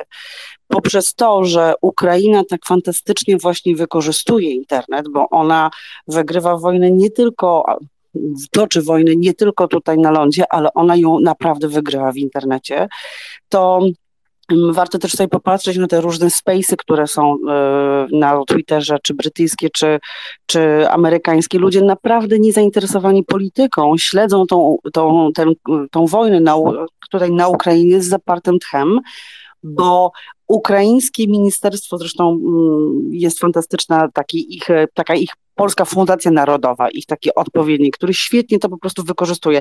Na przykład mem, kiedy Nestle jest przerobione na taką krwawy taki zaciek i jest w tle e, ofiara leżąca na ulicy. To jest bardzo, bardzo mocny przekaz, bardzo silny, który działa w e, mgnieniu oka. Nie trzeba czytać wielkiego artykułu, gdzie jest wyłożone, jak Nestle zostało w Rosji.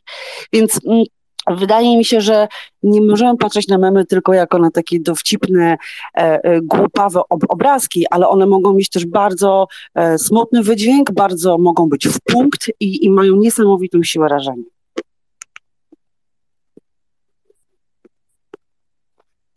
A ciebie częściej bawią czy oburzają? Znaczy, wiesz co, to zależy jakie te właśnie strony oglądasz. Mój mąż, no y, ja znam to przez mojego męża, który y, w polityce kompletnie nie siedzi, ale y, czyta ten Gag i na przykład w, w Nine Gagu wychodzą często informacje, o których jeszcze nie piszą gazety, bo to są tacy zapaleńcy albo internetowi, albo kryptowalutowi, albo trochę z Anonymous tam siedzą i oni naprawdę trafiają w internecie na różne rzeczy jako pierwsi. I e, niektóre memy są śmieszne, bo mają być śmieszne, ale no, ja szczerze mówiąc nie widziałam jakiegoś niesmacznego żartu o ofierze, e, z której by się naśmiewano. Nie, ja, ja, ja tego nie widziałam. Natomiast jeżeli przez te memy taka osoba jak mój mąż, albo jego młodszy brat, który całe życie spędził na desce surfingując, ma zrozumieć to, e, że pompowanie pieniędzy w w państwo rosyjskie jest jedną z przyczyn tej wojny dzisiaj, to mnie jest z tym akurat dobrze. I ja nie mam żadnego problemu, że oni dowiedzieli się e, o tym z mema, a nie musieli przeczytać bardzo długiego artykułu w Timesie. Dziękuję. Dzięki bardzo za, za Twoją opinię, za te spostrzeżenia.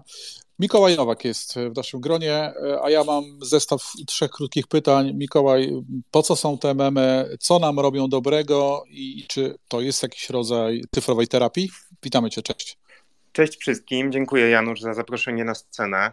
Mm, no przede wszystkim mem jest y, pewnym mm, bardzo mocnym gatunkiem internetowym i to od intencji autora zależy, jaki on będzie. Czy on będzie humorystyczny, czyli taki, jaki z założenia mem być powinien, czy on będzie smutny, czy on będzie sarkastyczny w jaki sposób tak naprawdę autor się odniesie do wydarzeń. Zgadzam się z tym, że niektóre memy w ostatnim czasie mogą razić, aczkolwiek weźmy pod uwagę to, że dla bardzo wielu ludzi e, jest to sposób odreagowania emocji.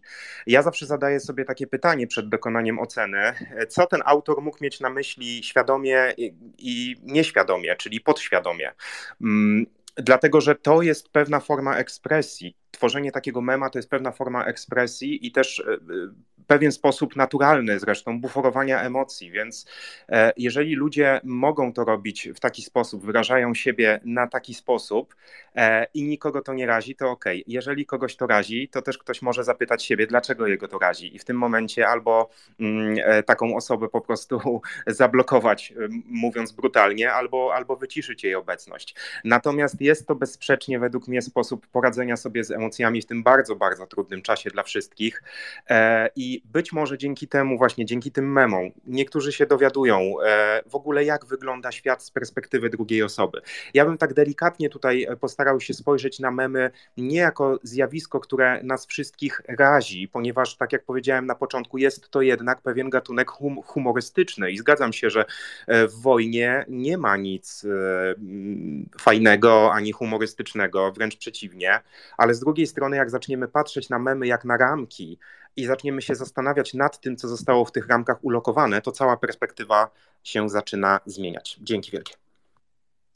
Dzięki bardzo. W ostatnich minutach na Twitterze zaczął się pojawiać e, nowy komunikat, tak zwana czarna lista marek, które jeszcze do tego momentu nie wycofały się z Rosji. Widzę, że dosyć sporo tych tweetów, one są przekazywane, e, więc wyścig, jeżeli chodzi o wychodzenie z Rosji cały czas trwa, bo na tej liście, która jest w tej chwili na moim ekranie, widzę już firmy, które dzisiaj rano ogłosiły, że rezygnują z prowadzenia biznesu w Rosji, więc sytuacja jest dynamiczna. Podobnie jak dynamiczny jest ten pokój, który masz w tej chwili w słuchawkach. Nazywa się Podsumowanie Tygodnia i mam wielką nadzieję, że jeszcze jeszcze przez kilkanaście minut będziemy Tobie umijali to piątkowe popołudnie. Pierwsza godzina tego podsumowania już za nami. I właśnie to jest pytanie, y, Janusz, czy jak to będzie, jeżeli chodzi o toruńskie zakłady materiałów opatrunkowych, y, czy y, będziemy kupowali tam, czy nie, bo jeszcze na razie taka niejasna jest sytuacja, ale nie wiem, tak jak mówisz, dynamicznie może się zmienić, może wyjdą z Rosji, bo do tej pory przekazali też datek miliona złotych na wsparcie humanitarne, ale nie znalazłam jeszcze informacji o tym, że wychodzą z Rosji, bo tam mają ogromną fabrykę i tam również odbywa się sprzedaż. Ale zaraz y, w tej drugiej godzinie będziemy mm, wędrowali do, w świat, bo zaraz zaproszę Tomka Rutkowskiego, który zawsze nas zabiera w jakieś y, światowe rzeczy, ale Tomek bardzo często w ogóle porusza temat wody, bo temat wody to jest taki rzutki temat i y, no, może następna wojna, która się rozpocznie, będzie wojną o wodę, bo tak też y, prognozują y, różni, różne osoby. Więc w tym temacie chciałam tylko tak omówić taką ciekawą sytuację związaną z Ukrainą, ze względu na to, że no, wiadomo, że tak właśnie toczy się wojna, że widzimy na swoim telefonie te różne zawalające się budynki, ale jednak te media muszą być dostarczane, czyli y, słyszeliśmy o tym, że Mariupol był y, bez wody jakiś czas, jednak całe te służby związane z tym, żeby dostarczyć wodę, one cały czas pracują. I między innymi sobie popatrzyłam na spotkanie, które odbyło się wczoraj y, y osób z Polski, między innymi tutaj też y, był, był zaangażowany wody, gdańskie wody były zaangażowane w to spotkanie i też różni specjaliści związani z wodą, z melioracją i również tam opowiadali Ukraińcy, jak to wygląda, jak, jak wygląda sytuacja i powiem szczerze, że mm, no, tam poziom awarii, jeżeli chodzi o infrastrukturę wodną, zwiększyła się dziesięciokrotnie i trzeba było właściwie usuwać te awarie z narażeniem życia, więc w gruncie rzeczy to są bohaterowie, y, nie tylko żołnierze są bohaterami, ale również te osoby, które chcą utrzymać tą infrastrukturę związaną z wodą, więc żeby zapewnić y, wodę pitną, to naprawdę jest z narażeniem życia czasami trzeba y, działać. No i też na przykład też przychody wodociągów spadły o 50-70%, to jest szokujące, chociaż nawet nadal opłaty wpływają, więc y, to jest aż zadziwiające, że trwa wojna, a jednak Ukraińcy płacą dalej rachunki i to jest też bardzo y, ciekawe. Y, no, oczywiście, to, jeżeli spadły wynagrodzenia o 50, w sensie, że te wpływy 50-70%, to nawet są problemy z tym, żeby zapłacić pracownikom, który, którzy usuwają awarie i woda jest potrzebna również do gaszenia pożarów, wstrzymywane są wszystkie planowane remonty.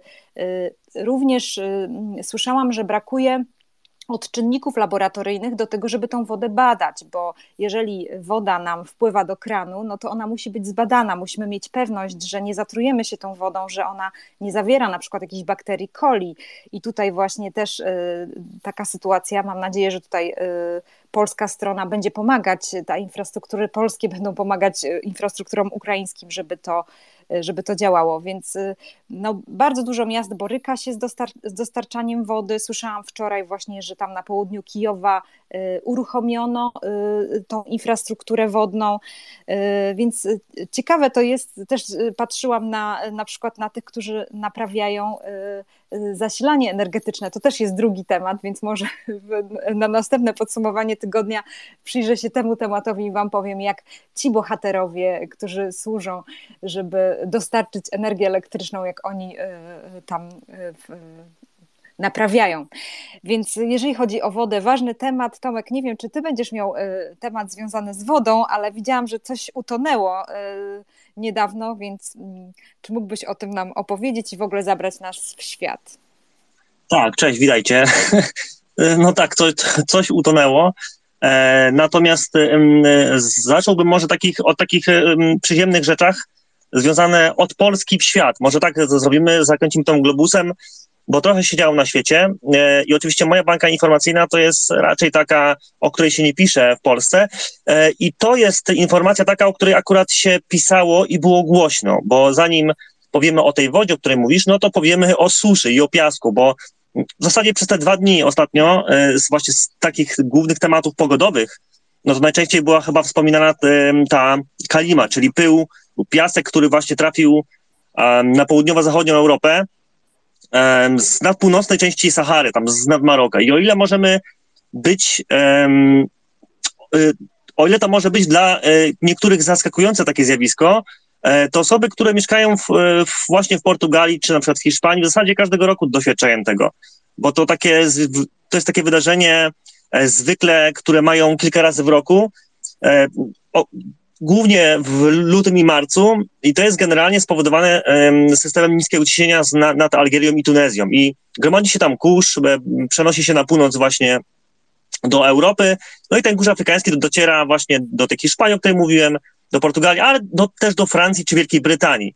Tyle, że w zeszłym roku dotarł nawet do Islandii, także e, w, no w tym roku żadnych takich, e, można powiedzieć, rekordów e, nie było, tak, bo, bo, bo w porównaniu do, do Islandii, no to, y, to troszkę jeszcze brakuje, także to jest takie w miarę normalne mm, zjawisko dla tych osób, które mieszkają y, na Półwyspie Iberyjskim.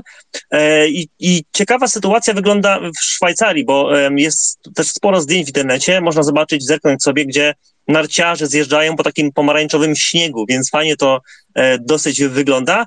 E, te, teraz ta chmura dotarła właśnie do, do Anglii, do południowo-wschodniej Anglii. No i oczywiście poza takimi um, uniedogodnieniami jak e, w, zmniejszenie widoczności, e, ten pył się wszędzie osadza i koniecznie e, trzeba zasłaniać twarz w niektórych miejscach, to gdy przychodzi deszcz, to właśnie te całe miasta po prostu pokrywają się takim pomarańczowym błotem. Także to z takich skutków, jeśli możemy mówić o tym, o tym zjawisku. Z takich zjawisk pogodowych, no, no to głośniejszych mieliśmy w Azji, trzęsienie ziemi było, dosyć silne trzęsienie ziemi e, w Japonii i to epicentrum znajdowało się no, niedaleko Fukushimy, którą tam 11 lat temu uderzyło tsunami, znana historia, e, gdzie spowodowało tą katastrofę w elektrowni jądrowej. No i co, no i co ciekawe, zaledwie e, kilka dni temu minęła e, rocznica nawet tej tragedii, bo 11 marca dokładnie. Zginęło wtedy 20 tysięcy osób i tam kilka tysięcy zostało rannych, więc dosyć poważna katastrofa w, w tej części świata E, o ile nie na całym świecie. E, natomiast tym razem mieliśmy do czynienia z dwoma trzęsieniami ziemi. E, to była skala 6,4 w skali Richtera i 7,3. W środę po godzinie 15 były oba w, w, w odstępie dwóch minut czasu polskiego i te epicentra były zlokalizowane niecałe 60 kilometrów, 50 parę kilometrów na wschód od właśnie od wybrzeży Japonii. Odczuć też można to było właśnie w Tokio, w stolicy Japonii, gdzie dwa miliony osób w zasadzie zostało pozbawione mm, prądu. E, także do tej, e, do dzisiaj e, pracują nad usuwaniami, nad usuwaniem skutków tego. Natomiast w drugiej części świata albo po drugiej stronie można, może, może powiedzieć oceanu, mieliśmy obfite deszcze w Chile i to już no, dobrych kilka dni. Tam jest taka trasa między Kalama do Sierra um, Golda i to, to, to numer 25, ona została zalana. Ogłoszono też taki regionalny żółty alarm z powodu właśnie tych podtopień, osuwisk, e, jakieś spływy błotne nawet. I ta informacja jest dla nas przynajmniej, e, bo to nie jest tylko jakaś taka bańka informacyjna, taka nisza, ale dla nas jest to o tyle istotne, przynajmniej dla niektórych osób może być to istotna informacja, że dotyczy spółki KGHM, bo w Sierra Gorda właśnie znajduje się jedna z najbardziej rentownych kopalń miedzi, no i większościowe udziały właśnie ma KGHM, to jest 55% udziałów. Druga e, część udziałów na, należy do australijskiej South 32, e, no, które zresztą kupiło te udziały, 45% udziałów od japońskiej spółki. Także ten temat jest aktualny i też czekam na więcej informacji, bo nie ukrywam, że nie ma tego, przynajmniej nie znalazłem tego w Reuterze ani w żadnych takich głównych newsach e, światowych. Więc czekam na informacje co do tej sytuacji w kopalni, bo um, zazwyczaj okazuje się to po czasie. I pytanie, e, co tam, co ta kopalnia w ogóle e, użyczyła, czy tego sprzętu, bo generalnie jeśli takie zjawiska występują w okolicy jakichś fabryk, czy, czy właśnie, czy kopalni, e, to często to właśnie takie zakłady użyczają sprzętu. Na przykład tutaj mówimy do, o sprzęcie do odwadniania, który też jest potrzebny do, do kopalni, aby, no, żeby pomóc właśnie okolicy. I, i pytanie, czy, czy, czy właśnie ta kopalnia takiego sprzętu odwadniającego użyczyła i czy sama do, została dotknięta właśnie takimi mm, skutkami. Także mm, na to czekam. Na pewno e, zrobię aktualizację u siebie na Twitterze, także można można tam zajrzeć do tego wątku. Natomiast to, to o tej wodzie, co mówiłaś, że coś zatanęło, tak, e, poprzednio mieliśmy już statek na Oceanie Atlantyckim, który poszedł na dno. Tam były te auta luksusowe, nowiutkie auta. E, to było zaledwie dwa, chyba ponad dwa tygodnie temu i teraz mamy sytuację podobną, tyle że z trochę innym przebiegiem, bo nie było akcji gaśniczej, która tam trwała kilka dni, e, przynajmniej czego doświadczyliśmy właśnie dwa tygodnie temu, tylko historia potoczyła się e, no nieporównywalnie szybciej. Mm, rzecz generalnie zadziała się w Zatoce Perskiej, tuż obok ciśniny Ormus, tam przez którą przepływają te wszystkie e, szlaki transportu ropy i surowców energetycznych z tych właśnie krajów bogatów, e, bogatych arabskich do e, reszty świata. I to właśnie w tej okolicy i statek Al-Sami 6 należał do firmy właśnie Salem Al-Makri Cargo z siedzibą w Dubaju, która specjalizuje się we frachtowcach właśnie samochodowych, czyli mamy ten sam wątek i statek ten wypłynął z Dubaju do irackiego miasta portowego Umkas i w drodze napotkał tak silne wzburzone wody, e, że doprowadziły do przechylenia tego statku.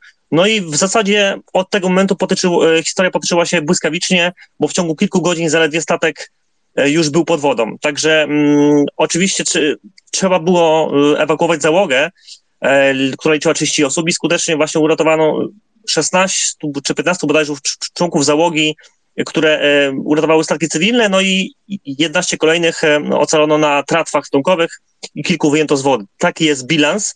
Natomiast mamy też drugi statek w innej części świata, dokładnie na Karaibach, bo to, tylko, tylko to już jest statek, statek wycieczkowy i on osiadł z kolei na mieliźnie podczas takiego rejsu Norwegian Escape tak się nazywa ten rejs, i zbudowany został generalnie e, w 2015 roku. Ten statek pod banderą Bahamy, mm, armator jest amerykański e, i statek ten może pomieścić 4000 pasażerów. E, no i uderzył w to dno morskie, który zahaczył, zawadził o to dno morskie we wtorek, mm, a zaledwie w poniedziałek on wypłynął, więc daleko nie, daleko nie popłynął. Puerto Plata na Dominice wypłynął, uszkodzony został kadłub, taki jest, y, taki jest bilans, no i rejs został przerwany. No i oczywiście ci wszyscy podróżni, którzy dopiero weszli e, na ten pokład tego statku, dopiero e, zaczęli ten rejs, otrzymają pełny zwrot pieniędzy od e, właśnie od tego właściciela, a także, uwaga, kredyt na tę samą kwotę, taki kredyt, bon, na tę samą kwotę na przyszłą podróż tym statkiem, tak? Czyli już mają ją gratis, z tym, że mm, na pewno 19 marca, e, kiedy został zaplanowany właśnie ten następny rejs, e, no nie popłyną, bo wiadomo, z wiadomych przyczyn nie będą mogli e, na ten statek wsiąść, ponieważ jeszcze on tam tkwi. Więc, więc to, taka sytuacja, jeśli chodzi o ten statek na Karaibach. No i cóż, takie szybkich kilka newsów mniejszych, jeśli chodzi o, o resztę świata. Taki przegląd z mojej bańki to ta Kenia, która walczy od tygodnia z żółtą febrą, o czym mówiliśmy tydzień temu, teraz walczy też z takimi silnymi pożarami. W zeszłym roku pamiętamy Cypr też się zmagał z takimi Grecja, a tutaj właśnie Kenia też walczy z takimi pożarami. E, Filipiny chcą wprowadzić w związku e, ze wzrostem ten paliw i, no i generalnie transportu taki czterodniowy tydzień pracy ale chcą zachować godziny pracy, czyli wychodzi na to, że chcą, aby pracowało się nie 8 godzin dziennie, tylko 10 godzin dziennie.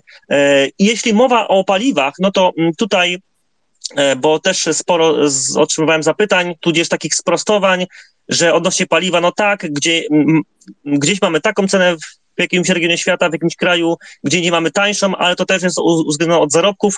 E, tak, to prawda, natomiast nie wszystkie kraje, te, którym się lepiej powodzi, mają wyższe PKB, mają wyższą cenę. Są też kraje, które są biedniejsze od Polski, na przykład Zimbabwe, E, które, które też płacą wysokie ceny. I generalnie, gdyby ktoś chciał zobaczyć sobie aktualne ceny e, na świecie, w krajach e, i możemy to wybrać sobie walutę dowolną, czy euro, czy polski złoty, czy, czy dolar, to jest taka strona internetowa, nazywa się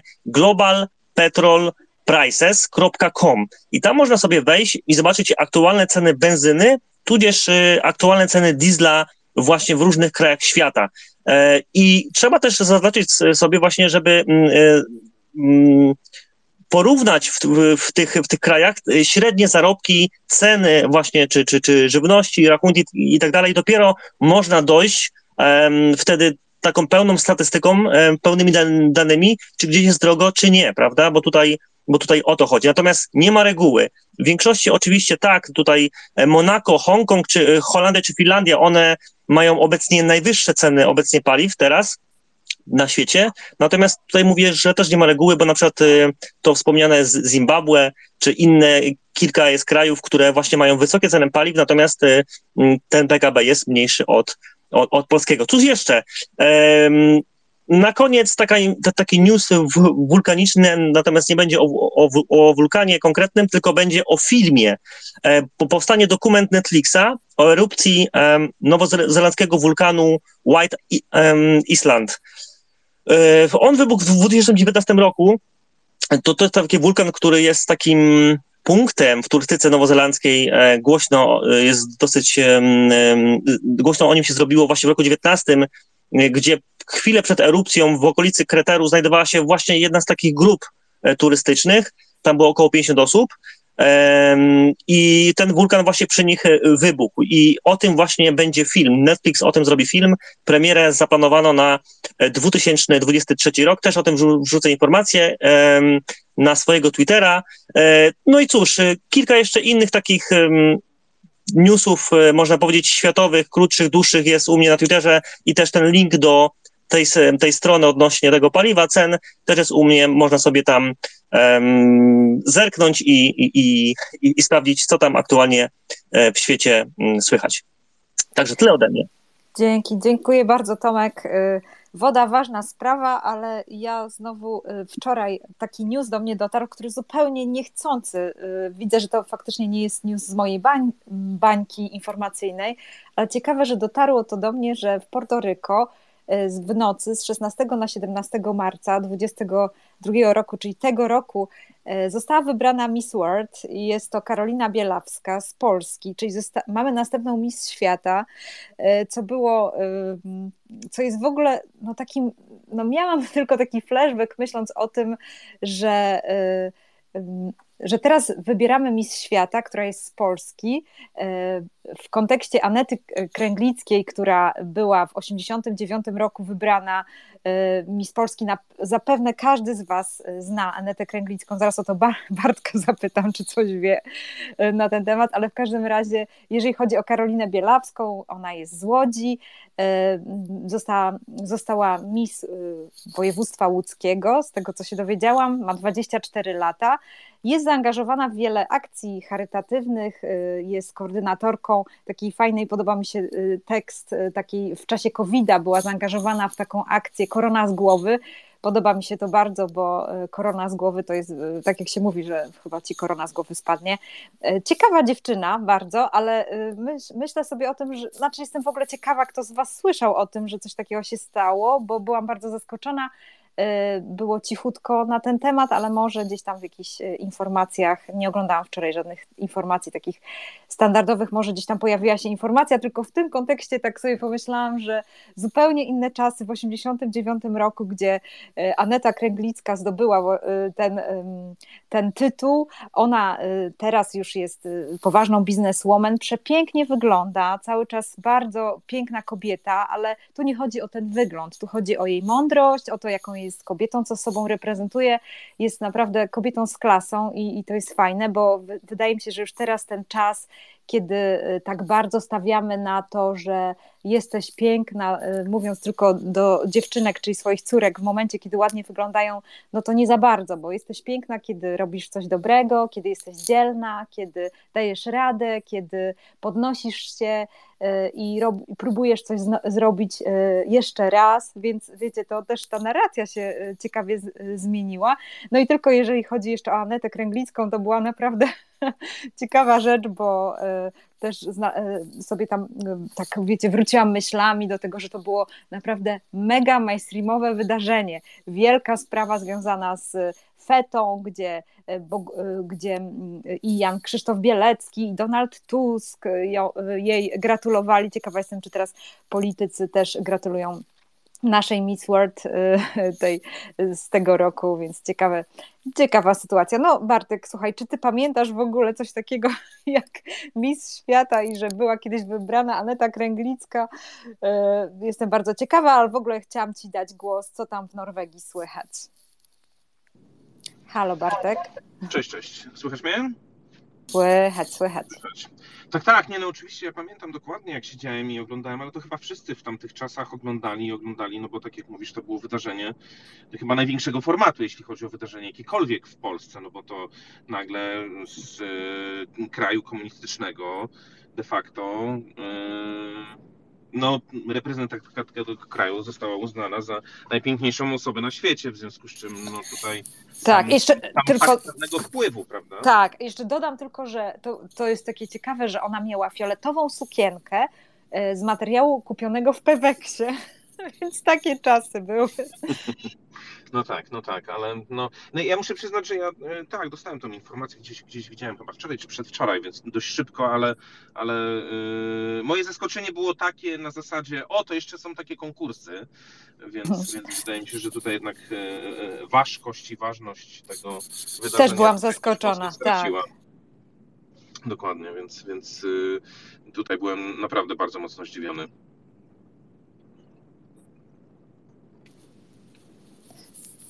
Bartek, straciliśmy ciebie jeszcze raz. A nie, po... ja, Aha, ja słyszę, dobrze. Ja Aha, dobrze. No to opowiadaj, co tam u ciebie, czy masz jakieś ciekawostki? E, znaczy, muszę przyznać, że w Norwegii dość mocno monotem, monotematycznie e, i chyba w całej Skandynawii jakby jest, jest, jest jakby temat e, wojny, Ukrainy i całej tej zawieruchy, która, która jest wokół tego. E, aczkolwiek jestem zdziwiony, bo wyszedł taki temat Największe sklepy erotyczne w Norwegii i Danii opublikowały informacje na temat tego, że w przeciągu ostatnich kilku lat, a dokładnie w ostatnim roku, nastąpił wzrost sprzedaży zabawek erotycznych dla mężczyzn o dokładnie 30 tysięcy procent. I zrobili z tego tytułu ankietę na mm, akceptację takich y, urządzeń i wyszło na to, że mężczyźni, przynajmniej Skandynawowie, aż 87% akceptuje takie rzeczy, a tylko 66% jeśli chodzi o kobiety. Y, I jeszcze jeśli jesteśmy już na, na, na, tematy, na, na temacie seksu, to mogę powiedzieć, że mm, byłem dość mocno zdumiony, kiedy zobaczyłem na głównym kanale telewizyjnym debatę no, polityków na temat tego, aby znieść zakaz. Dokładnie to była informacja podana 8 marca, czyli w Dzień Kobiet. E, reprezentacja kobiet młodzieżówki e, jednej z prawicowych partii w Norwegii zaproponowała zniesienie zakazu produkcji i dzielenia się e, filmami dla dorosłych, ponieważ no, wraz ze wzrostem bezpieczeństwa aktorów też wpływu na, na jakość, a istotne jest to, że yy, obecnie za produkcję bądź rozpowszechnianie tego typu treści można trafić do więzienia na 3 lata, co w ogóle byłem w gigantycznym szoku, że jest taki przepis w Norwegii. No ale cóż. Ale wracając do Ukrainy, bardzo ciekawa dyskusja powstała też e, w takim mainstreamie na temat tego, e, trochę takiej hipokryzji, czy powinniśmy w jaki sposób Y, wspierać y, i, i, i dopingować jednak Ukrainę, bo Rada Miasta y, w Oslo poinformowała o tym, że przez 20 dni podświetlała budynki w kolorze żółto-niebieskim, aby wspomóc Ukrainę i wydała już na to dokładnie milion koron. Ocenia się, że wszelkie podświetlenia budynków prywatne czy publiczne wyniosą 100 milionów. A to już jest 50 milionów złotych, które można byłoby chyba e, skonsumować i, przekazać w jakiś lepszy e, dla Ukrainy i dla tych ludzi, którzy tam są sposób. Oczywiście e, cała akcja, już nie pamiętam kto mówił, że, że mm, chyba od 22 marca, a przepraszam, to nie na tym pokoju, w Wielkiej Brytanii chyba zaczną przyjmować uchodźców. Tutaj już też przyjmują bardzo duża grupa, więc, więc zaczęły być już jakieś, e, jakieś e, zbiórki, nawet rzeczowe, co, co też byłem dość mocno zdziwiony, bo jednak tutaj wychodzi się z założenia, że są do tego specjalne, specjalne instytucje, czy, czy, czy na przykład Czerwony Krzyż i po prostu Norwegom jest łatwo przekazać pewną kwotę pieniędzy. Poza tym no oczywiście gigantyczna dyskusja na temat cen prądu. Tutaj, tutaj myślę, że dokładnie tak samo jak w Polsce prąd czy gaz yy, dotyka każdego, ale tutaj jest też bardzo mocna yy, nagonka na temat no, wody. Powiedzmy, mówiłaś o wodzie, to tutaj dość mocno to wpływa. Yy, norweski system energetyczny jest tak stworzony, że bardzo wysoki poziom wód to dla nich e, bardzo tani prąd, bardzo niski poziom wód to bardzo wysoki i, i problemy z utrzymaniem tego minimalnego poziomu. Mm, obecnie stan wód no właśnie w tych, w tych zbiornikach jest niższy o 33% niż w zeszłym roku e, w Norwegii mm, południowej, natomiast y, w Norwegii środkowej stan pokrywy śnieżnej nie był nigdy tak duży y, w ostatnich 40 lat jak obecnie. Pierwszy raz widziałem, to jest w ogóle całkiem ciekawe, mm, ponieważ pokrywę śnieżną y, jej wielkość oceniono nie na centymetry, tylko na wartość e, energetyczną, czyli, czyli mm, informacje na temat tego, ile tam terawatogodzin w tym śniegu mm, e, jest i ile tego prądu można wytworzyć. Mm, ale cała dyskusja jest na tym, ponieważ naukowcy podali informacje na temat e, Arktyki, która nie dość, że ociepla się bardzo mocno, to teraz ociepla się jeszcze mocniej i dokładnie też 30 chyba procent czy 40% szybciej niż myśleli. E, oceniają, że nie w 2050, a w 2040 roku będzie tak, że ocean czy Morze Arktyczne e, będzie bez lotu podczas lata i, i wtedy może dojść do tego, że Golfstrom nie będzie dopływał do Norwegii, a to spowoduje mm, zmianę tego klimatu, który jest bardzo łagodny w porównaniu e, do, do klimatu, który jest e, mm, w Arktyce. I, I no tutaj jest bardzo duża, gorąca dyskusja, jak reagować na to mm, Norwegowie mają gigantyczne zasoby leśne, opalają, y, używają drewna też do opalania swoich domów, ale już teraz zaczynają wprowadzać y, też, też y, hmm, jak to powiedzieć, hmm, Ministerstwo Leśnictwa, tak to chyba trzeba byłoby powiedzieć, wydało tak. decyzję o tym, wydało decyzję na temat wycinki lasów, która powoduje uszkodzenia mchu ponieważ nigdy mi się w Polsce, chociaż wędruję całkiem sporo, nie zdarzyło wejść na taką gąbkę, która, mm, która jest taką płynną masą i posiada w sobie gigantyczne ilości wody. Tutaj bardzo często trzeba, jak się chodzi gdzieś tam, powiedzmy po górach, uważać, żeby, żeby po, po opadach nie wejść, ponieważ to jest, to jest piękna, zielona, pływająca, oczywiście się o tym nie wie, masa. Po wejściu można tam dosłownie wpaść po pas i no, wtedy jest się po prostu mokrym, więc, więc y, tutaj bardzo mocno mówią o tym, że właśnie taka wycinka y, lasu a tutaj to trzeba powiedzieć, że tutaj tego lasu wycinają na tysiące hektarów, a nie na powiedzmy 300 czy 200. E, no właśnie uszkadza ten mech, więc, więc o ile powiedzmy stan drzewny nie jest dla nich e, istotny, o tyle, o tyle ta woda, która jest na tych płaskowyżach e, zatrzymana, jest dla nich gigantycznym rezerwuarem wody, która no po prostu produkuje w nich prąd, więc, więc to jest ten, ten problem, a pierwszy raz padła taka informacja, że trzeba się przygotować na zmianę klimatu i, i klimat będzie bardzo podobny jak w Danii, czyli ciepło i sucho, gdzie tutaj jest trochę ciepło, ale jednak bardzo dużo, bardzo dużo opadów. A w sumie na koniec to już a propos Tesli, Janusz mnie wywołał. Tak, tak, faktycznie 22 marca rusza Gigafactory w Berlinie. W końcu E, Polska powinna się cieszyć, ponieważ e, w tym kwartale, bo nie wiem czy wiecie, ale e, samochody marki Tesla są produkowane w Meksyku czy w Kalifornii i w Szanghaju obecnie. Tak wygląda proces produkcyjny, że zbierane są zamówienia i na koniec każdego kwartału, czyli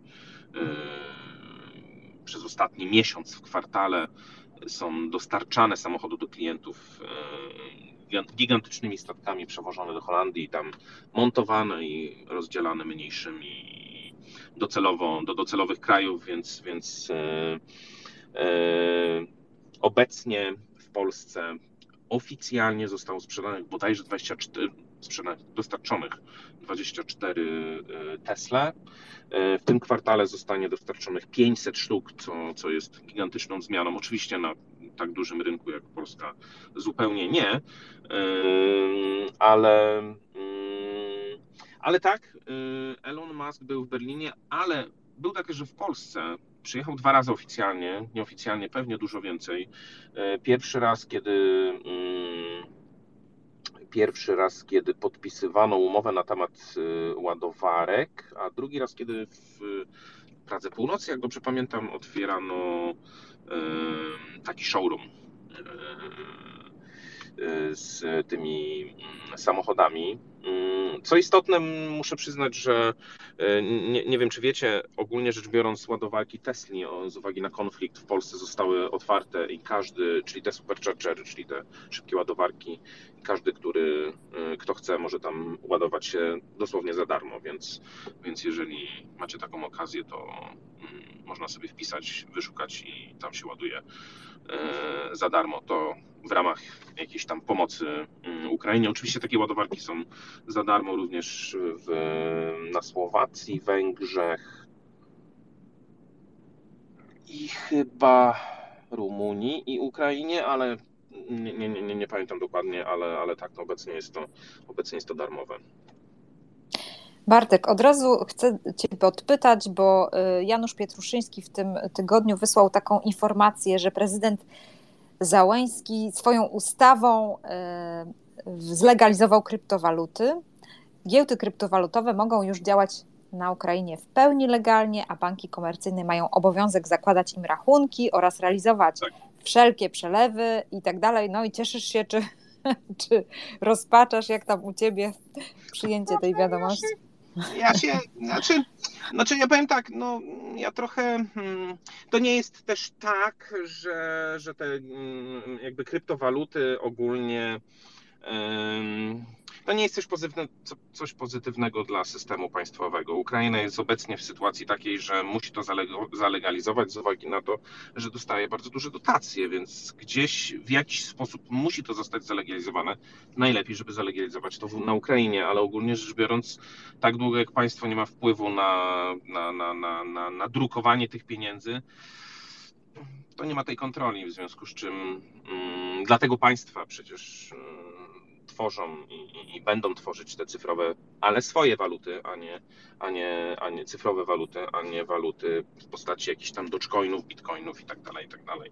E, walut, które, na które państwo nie ma tego e, wpływu podażowego, więc ja ogólnie jestem bardzo ciekawy. E, uważam, że blockchain jako cała, cała technologia rozwiązuje wiele, wiele problemów i ma bardzo fajne i bardzo różne alternatywne podejścia do pewnych rozwiązań, mm, ale wydaje mi się, że to raczej jest takie bardzo chwytne z uwagi na to, że wiele innych państw jednak zakazało Y, tych kryptowalut, y, ale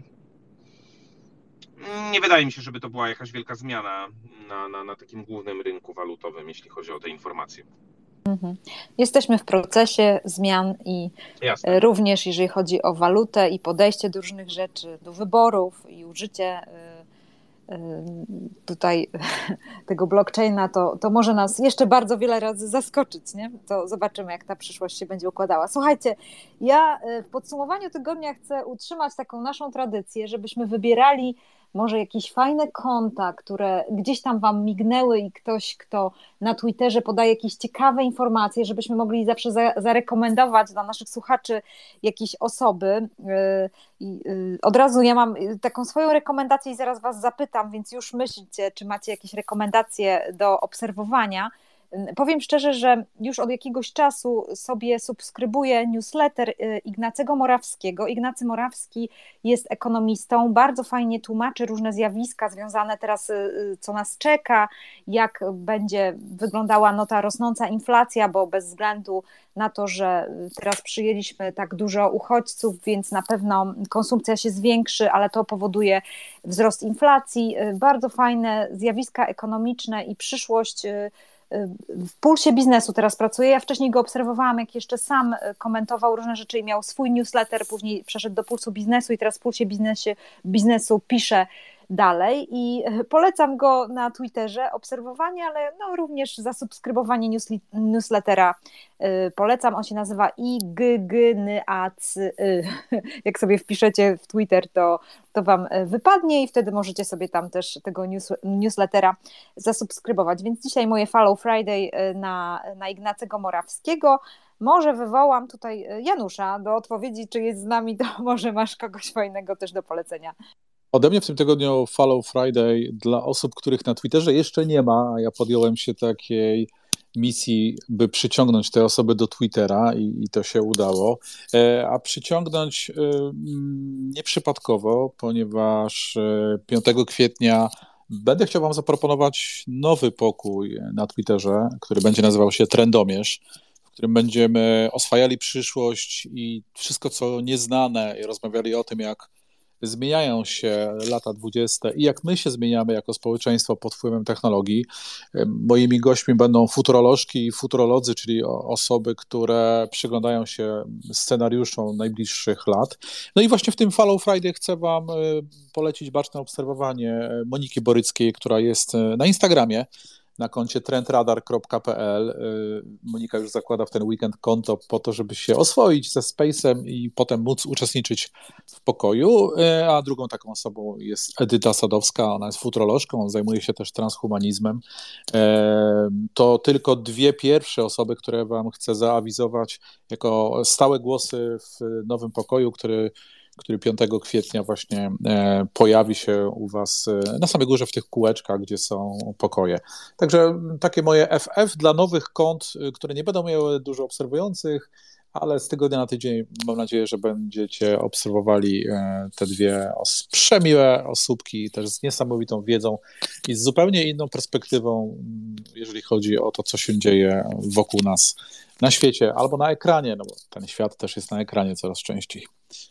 No, będziemy też trendomierz na pewno przez konto podsumowania tygodnia y, informować o tym, że się zaczyna i mam nadzieję, żeby tutaj też wesprzeć to y, trendomierz, więc można y, tutaj, że tak powiem, przechodzić. Nie? Gdzieś będą te linki podane. Teraz zapytam się Ani Foktman, jak tam, jak tam u ciebie? Czy ty masz kogoś do obserwowania ciekawego w tym tygodniu? Znalazłaś kogoś ciekawego? No, ja mam polecajkę dzisiaj, którą ja już obserwuję od początku tej misji, ale ponieważ dzisiaj o niej wspomniałam, to bardzo polecam zajrzenie na Twittera ESA James Webb gdzie no, od, od, tego tygodnia już co chwilę będą publikowane bardzo fajne zdjęcia. Można e, z, z, zaginąć mentalnie w tych odgłębiach wszechświata. Na pewno te zdjęcia będą bardzo ciekawe i dużo ciekawych newsów. Także wyślę Ci, Kasiu, później do publikacji to, to konto. Dzięki bardzo. Tomek, to na pewno tutaj nam coś e, z geografią związanego zapodajesz. Tak, e, tyle tutaj mówimy na podsumowaniu e, o rzeczach pogodowych i też geograficznych i o wulkanach. O wszystkich nie jestem w stanie powiedzieć, tylko e, w zasadzie tylko wspominam o nich, natomiast pełny taki wachlarz o tym, co się wydarzyło w każdym tygodniu, jeśli chodzi o wulkany, trzęsienia ziemi, no to właśnie polecam taki profil Wulkany Świata.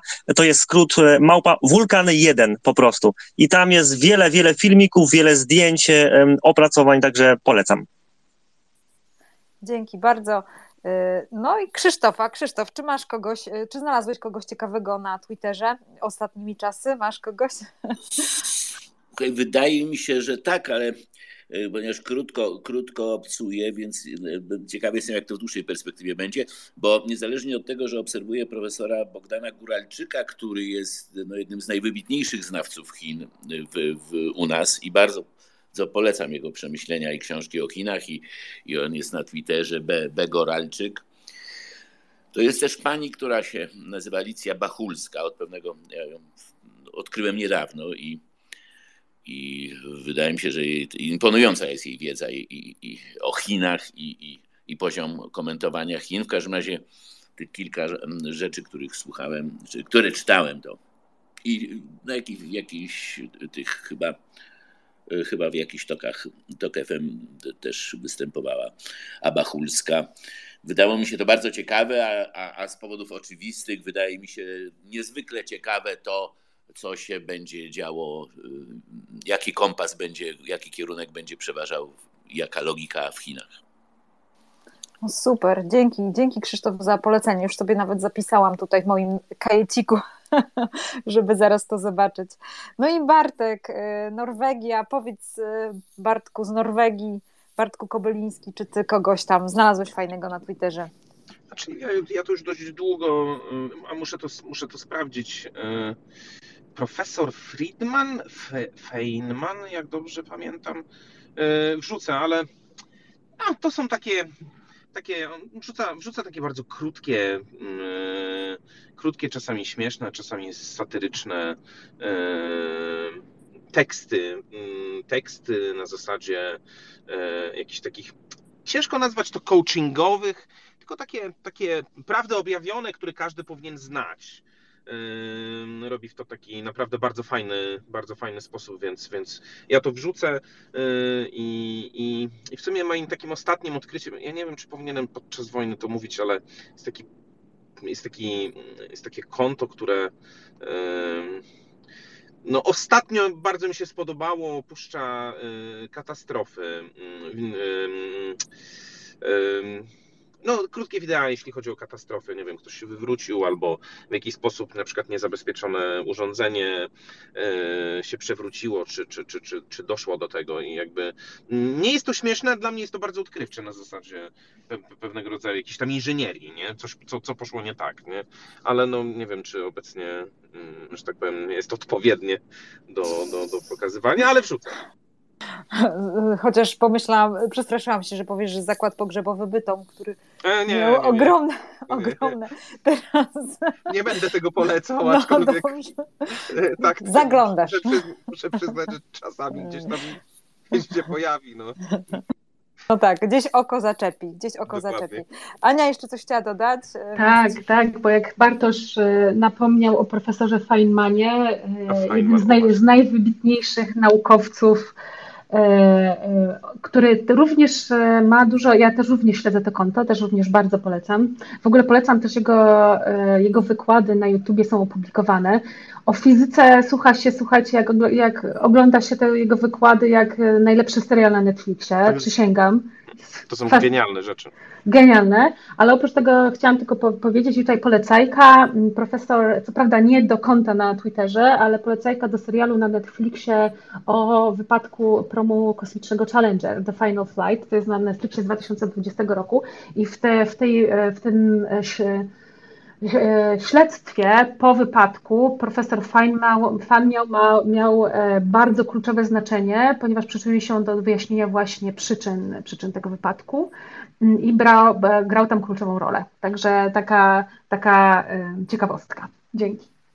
Dzięki, dzięki Aniu. Zaraz zaproszę Pawła Szawczukiewicza, żeby nam puścił kilka poleceń, ale też zapytam Ciebie o Follow Friday. Jednak zanim Ciebie wywołam, to jedna myśl mi przychodzi do głowy, zanim wywołam Pawła, bo mam taki taki odruch Pawłowa, jak Pawła wywołuje ze względu na to, że Paweł kojarzy mi się z takim ukojeniem i spokojem i to jest coś takiego, że mm, kiedy no, przeżywamy teraz takie bardzo wzmożone FOMO, to chciałam tylko taki apel do nas wszystkich, jak tutaj jesteśmy, żebyście robili sobie te przerwy, żebyście y, odkładali te telefony, nie oglądali memów, nie scrollowali, bo to jest niezdrowe jednak, tak jak mówię, że, że y, wódkę zapijamy whisky albo jakimś następnym alkoholem, lepiej jest odłożyć telefon i w ogóle gdzieś sobie y, pójść. Ja ostatnio odkryłam nawet czytanie poezji, wracam do, do jakichś ciekawych wierszy, do, do dobrej muzyki, po to, żeby odłączać się na chwilę od tych wiadomości i żeby gdzieś indziej nasze myśli krążyły i żebyśmy się tak bardzo nie przygnębiali. Więc zachęcam Was do tego wszystkich i w związku z tym wywołuję Pawła, który zawsze mnie tak dobrze nastraja. Pawle, powiedz, czy masz jakiegoś Follow Friday do, mm, albo do, no właśnie do, też do słuchania dla nas. Dzień dobry, e, Dzień moje dobry. szanowanie. Ja, jeśli chodzi o Follow Friday, to nie wiem, czy jestem w stanie polecić coś z Twittera, e, co by tworzyło istotną wartość.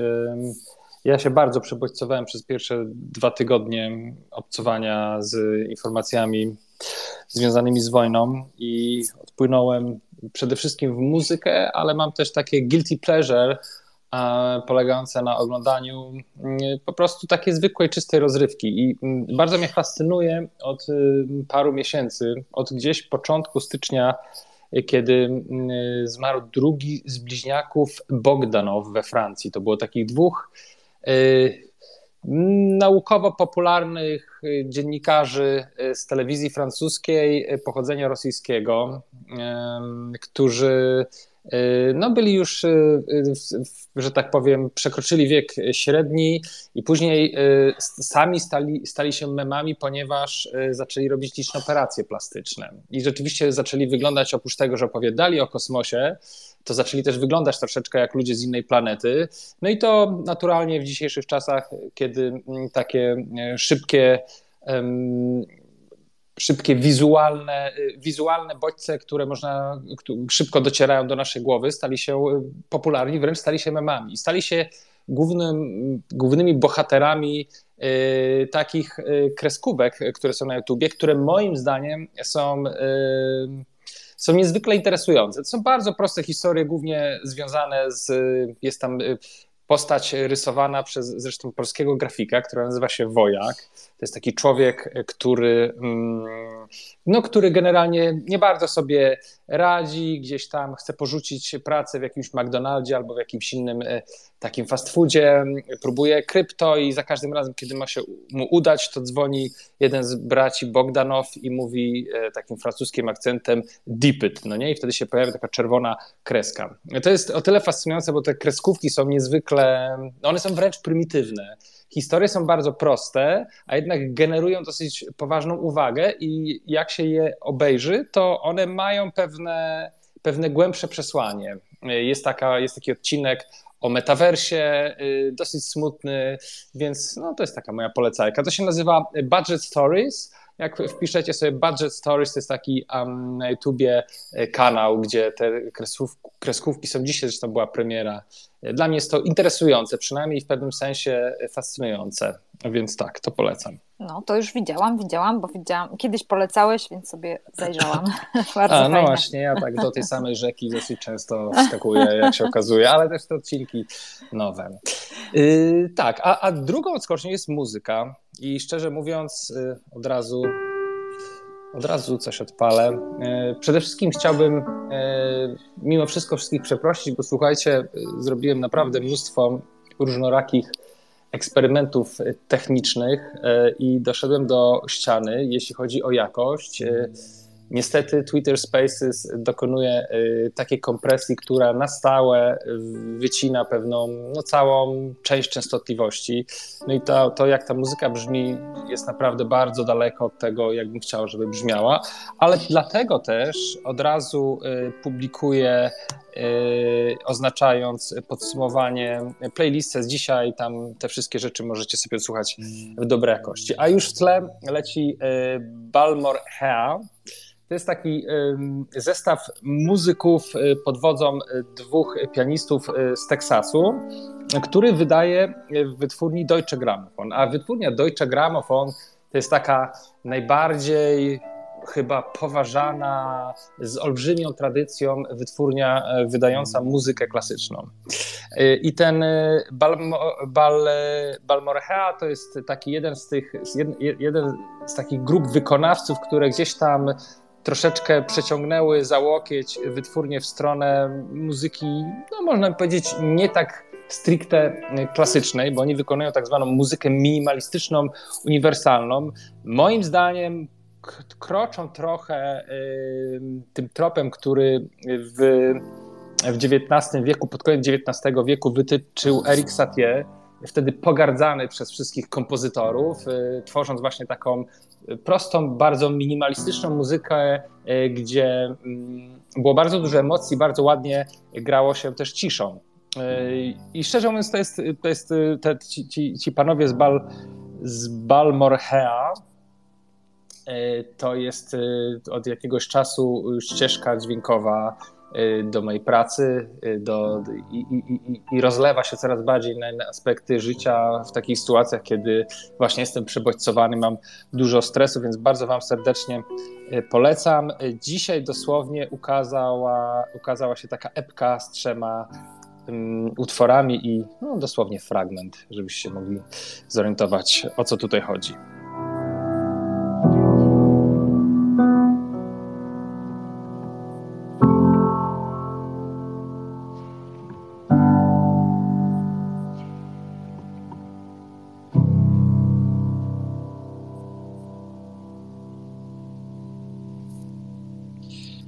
Nie jest to najlepszy materiał na e, krótkie prezentacje, ale bardzo serdecznie zachęcam. Naprawdę bardzo fajna rzecz. Dzisiaj też wyszedł e, ciekawy singiel od twórcy, e, od takiego totalnego artysty z Kalifornii, który i maluje, jest rzeźbiarzem i właśnie robi takie mm, ambientalne plamy muzyczne. Nazywa się William Basiński.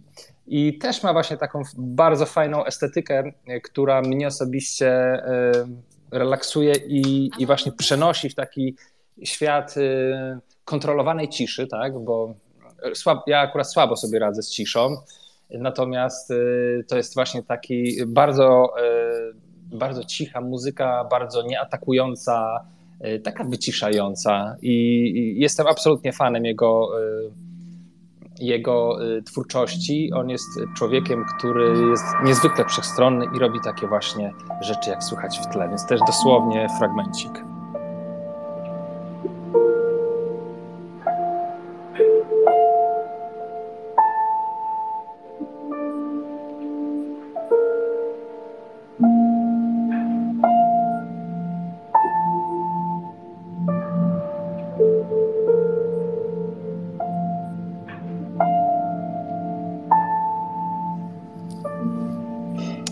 Jeżeli ktoś pracuje przed komputerem, to wszelakie klikanie, mm, analizy, etc., etc. idą naprawdę bardzo dobrze. E, mówię to z doświadczenia. To jest chyba jedyna, jeden z niewielu styli muzycznych, które e, mogę słuchać. W tej muzyce też jest dosyć cienka linia pomiędzy e, takim new age'owym rzekłbym, taką, Boże, no mocne słowo, ale tak, taką new age'ową tandetą, gdzie jakby nastrój jest rzeczywiście bardzo wyciszający, ale muzycznie jest dosyć, te ścieżki są bardzo udeptane, a, a taką wręcz awangardą. No i tutaj, jeżeli chodzi o, o Basińskiego, to mogę wam z, z, całym, z całą odpowiedzialnością polecić, że jeżeli będziecie chcieć, jeżeli będziecie, możecie słuchać i wśród, jak pójdziecie na jakiś na jakiś e, bankiet y, z artystami sztuki współczesnej, to możecie spokojnie podawać ręce, nie będę się krzywić. Jeszcze jeden artysta, e, który mm, nie wydał nic nowego, ale zmarł w zeszłym roku i też do niego wróciłem e, przez ostatnie dwa tygodnie, to jest wirtuos duduku, a duduk to jest taki instrument denty chyba najbardziej zbliżony do w nasze, jeśli chodzi o naszą y, szerokość geograficzną, do oboju. Y, pan nazywa się y, Divan Gasparian i no, był uważany za takiego największego wirtuoza i zdobył niebywałą wręcz sławę, biorąc pod uwagę, że był ściśle muzykiem grającym taką muzykę etniczną i bardzo minimalną, wręcz y, często mm, nagrywając takie płyty na, so, na, na, solo, gdzie grał po prostu na duduku bez żadnego akompaniamentu, więc nagrywam muzykę, która nie jest y, być może jakaś bardzo łatwa, ale jest niezwykle poruszająca. No i ten jego ton jest absolutnie zupełnie magiczny. No i, i, i mimo wszystko zdobył naprawdę bardzo dużą no, przynajmniej uznanie, ale również popularność, ale zdobył niezwykłe uznanie, nagrywał między innymi ze Stingiem, nagrywał z, z Peter Gabrielem, etc., etc. i też do niego wróciłem, bo to jest też na te moment y, takiej rzeczywistości, kiedy jesteśmy przebodźcowani. Doskonała muzyka, która na dodatek bardzo przyzwoicie y, brzmi przy tej kompresji Twittera, więc również taki malutki fragment.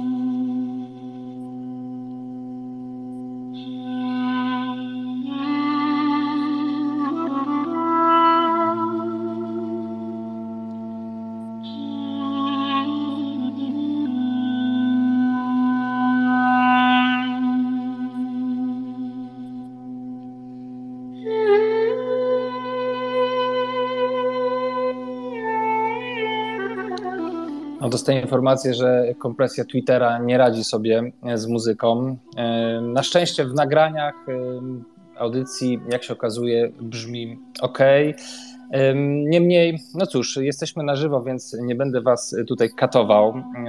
Zapraszam serdecznie do sprawdzenia playlisty. Tam wrzuciłem też dwa utwory z albumu, który kończy 25 lat y, w tym roku. Y, mowa o Baduizm Eriki Badu, który otworzył zupełnie nowy rozdział, zupełnie nowe drzwi y, w czarnej muzyce amerykańskiej. Stworzył cały podgatunek neosol i no jest bez wątpienia takim kamieniem milowym. Wyszła 20, wyszła specjalna wersja deluxe, na której jest 20 utworów na 25 lat od y, premiery, która miała miejsce dokładnie 11 lutego 1997 roku, więc bardzo serdecznie Wam y, polecam. Jest też tam premiera od Kuba Więcka, którego tutaj bardzo konsekwentnie promuje od samego początku. On nagrał i wydał nowy singiel z Marcinem Januszkiewiczem. Jest fajny singiel od Charlesa Lloyda, jedynego saksofonisty ze Stanów Zjednoczonych, któremu zazdrościł Miles Davis, ponieważ Charles Lloyd, będąc młodym, zdolnym twórcą, jako pierwszy muzyk jazzowy grał Y, koncerty na dużych festiwalach z zespołami rockowymi. Jest Sam Gendel, jest Cisco Swank, moje odkrycie dosłownie z tego poranka, y, nowość Alex Pereza, jeżeli ktoś lubi muzykę brytyjską i jeszcze y, dwie rzeczy, jedna z pogranicza jazzu, Morris von Oswald, trio, to jest takie trio zbudowane z dwóch osób, które grają na perkusjonaliach i z jednej osoby, która bawi się sekwenserami, więc takie bardzo fajne połączenie muzyki e, elektronicznej z jazzem. No i Farao Sanders na, dobre, na dobry weekend. E, no i to jeśli chodzi o muzykę, to ode mnie tyle. Dzięki bardzo, Paweł. Ja od razu tylko powiem taką E, zdradzę taką tajemnicę, że przepytałam Pawła Szawczukiewicza na stacji Zmiana. Odbyliśmy długą rozmowę nocną, e, więc słychać w niej takie nasze zamyślenie i trochę melancholii, ale Paweł naprawdę bardzo, bardzo fajnie opowiedział mi o Portugalii, o tym, co robi, jaka tak wspominał trochę też, co robił kiedyś, więc polecam Wam e, serdecznie tą rozmowę. Puszczę ją w poniedziałek, więc zapraszam na stację Zmiana. Jeżeli słuchacie podcasty, to możecie w jakąkolwiek dowolną platformę podcastową wbić stacja zmiana i tam właśnie będzie rozmowa z Pawłem w poniedziałek i myślę, że będzie fajna. Mam nadzieję, jeszcze, jeszcze muzykę dobiorę jakąś, może Paweł też mi coś poleci, więc jakoś wspólnymi siłami będzie też e, i muzycznie. Słuchajcie, no dobiliśmy do końca naszego podsumowania tygodnia. E, nie wiem, czy nie było ani słowa o polityce, ale zawsze się staramy, żeby, żebyśmy z innych baniek informacyjnych sobie spojrzeli, z innych stron na różne sytuacje. Patrzyliśmy i z tej technologicznej strony, mieliśmy fajną dyskusję y, na temat ty, tych memów, y, no i też zwrócenie uwagi y, nie tylko do tej pory zawsze mówiliśmy o dezinformacji, o tym, y, co się dzieje, y, y, różnych kłamstwach, które się rozsiewają w sieci, a dzisiaj wydaje mi się, że zwróciliśmy uwagę na to, żeby jednak tak nie skrolować impulsywnie, kompulsywnie, tylko po prostu szukać momentów wyciszenia i y, iść śladem y, Pawła, żeby słuchać dobrej muzyki, ale przy okazji wtedy nie włączać telefonu i nie patrzeć, co tam y, piszą w newsach. Więc słuchajcie, no życzę Wam dobrego weekendu, żeby ten weekend był takim odpoczynkiem, odpoczynkiem od, od tych social mediów, od informacji i mam nadzieję ciągle, każdego dnia budzę się rano i myślę sobie o tym, że może dzisiaj ta wojna się skończy i mam nadzieję, że właśnie każdy dzień e, następny, który będziemy się budzić, będziemy myśleć, może dzisiaj ta wojna się skończy. Tego Wam życzę i do usłyszenia za tydzień. E, obserwujcie nasz profil, podsumowanie tygodnia. E, do zobaczenia w piątek o 12. Bardzo Ci dziękuję że byłaś, byłeś z nami w tym podsumowaniu tygodnia. Życzę Ci z całego serca dobrego piątku, żeby to był fajny czas. A jeżeli spodobało Ci się to nasze gadanie i te wychodzenie z różnych baniek informacyjnych, to bardzo Cię proszę, podaj dalej e, tą rozmowę, poinformuj swoich znajomych, oceń nas, daj nam jakieś gwiazdki. To będzie nam bardzo miło. Pozdrawiam Cię serdecznie z Gdańska, Kasia Michałowska.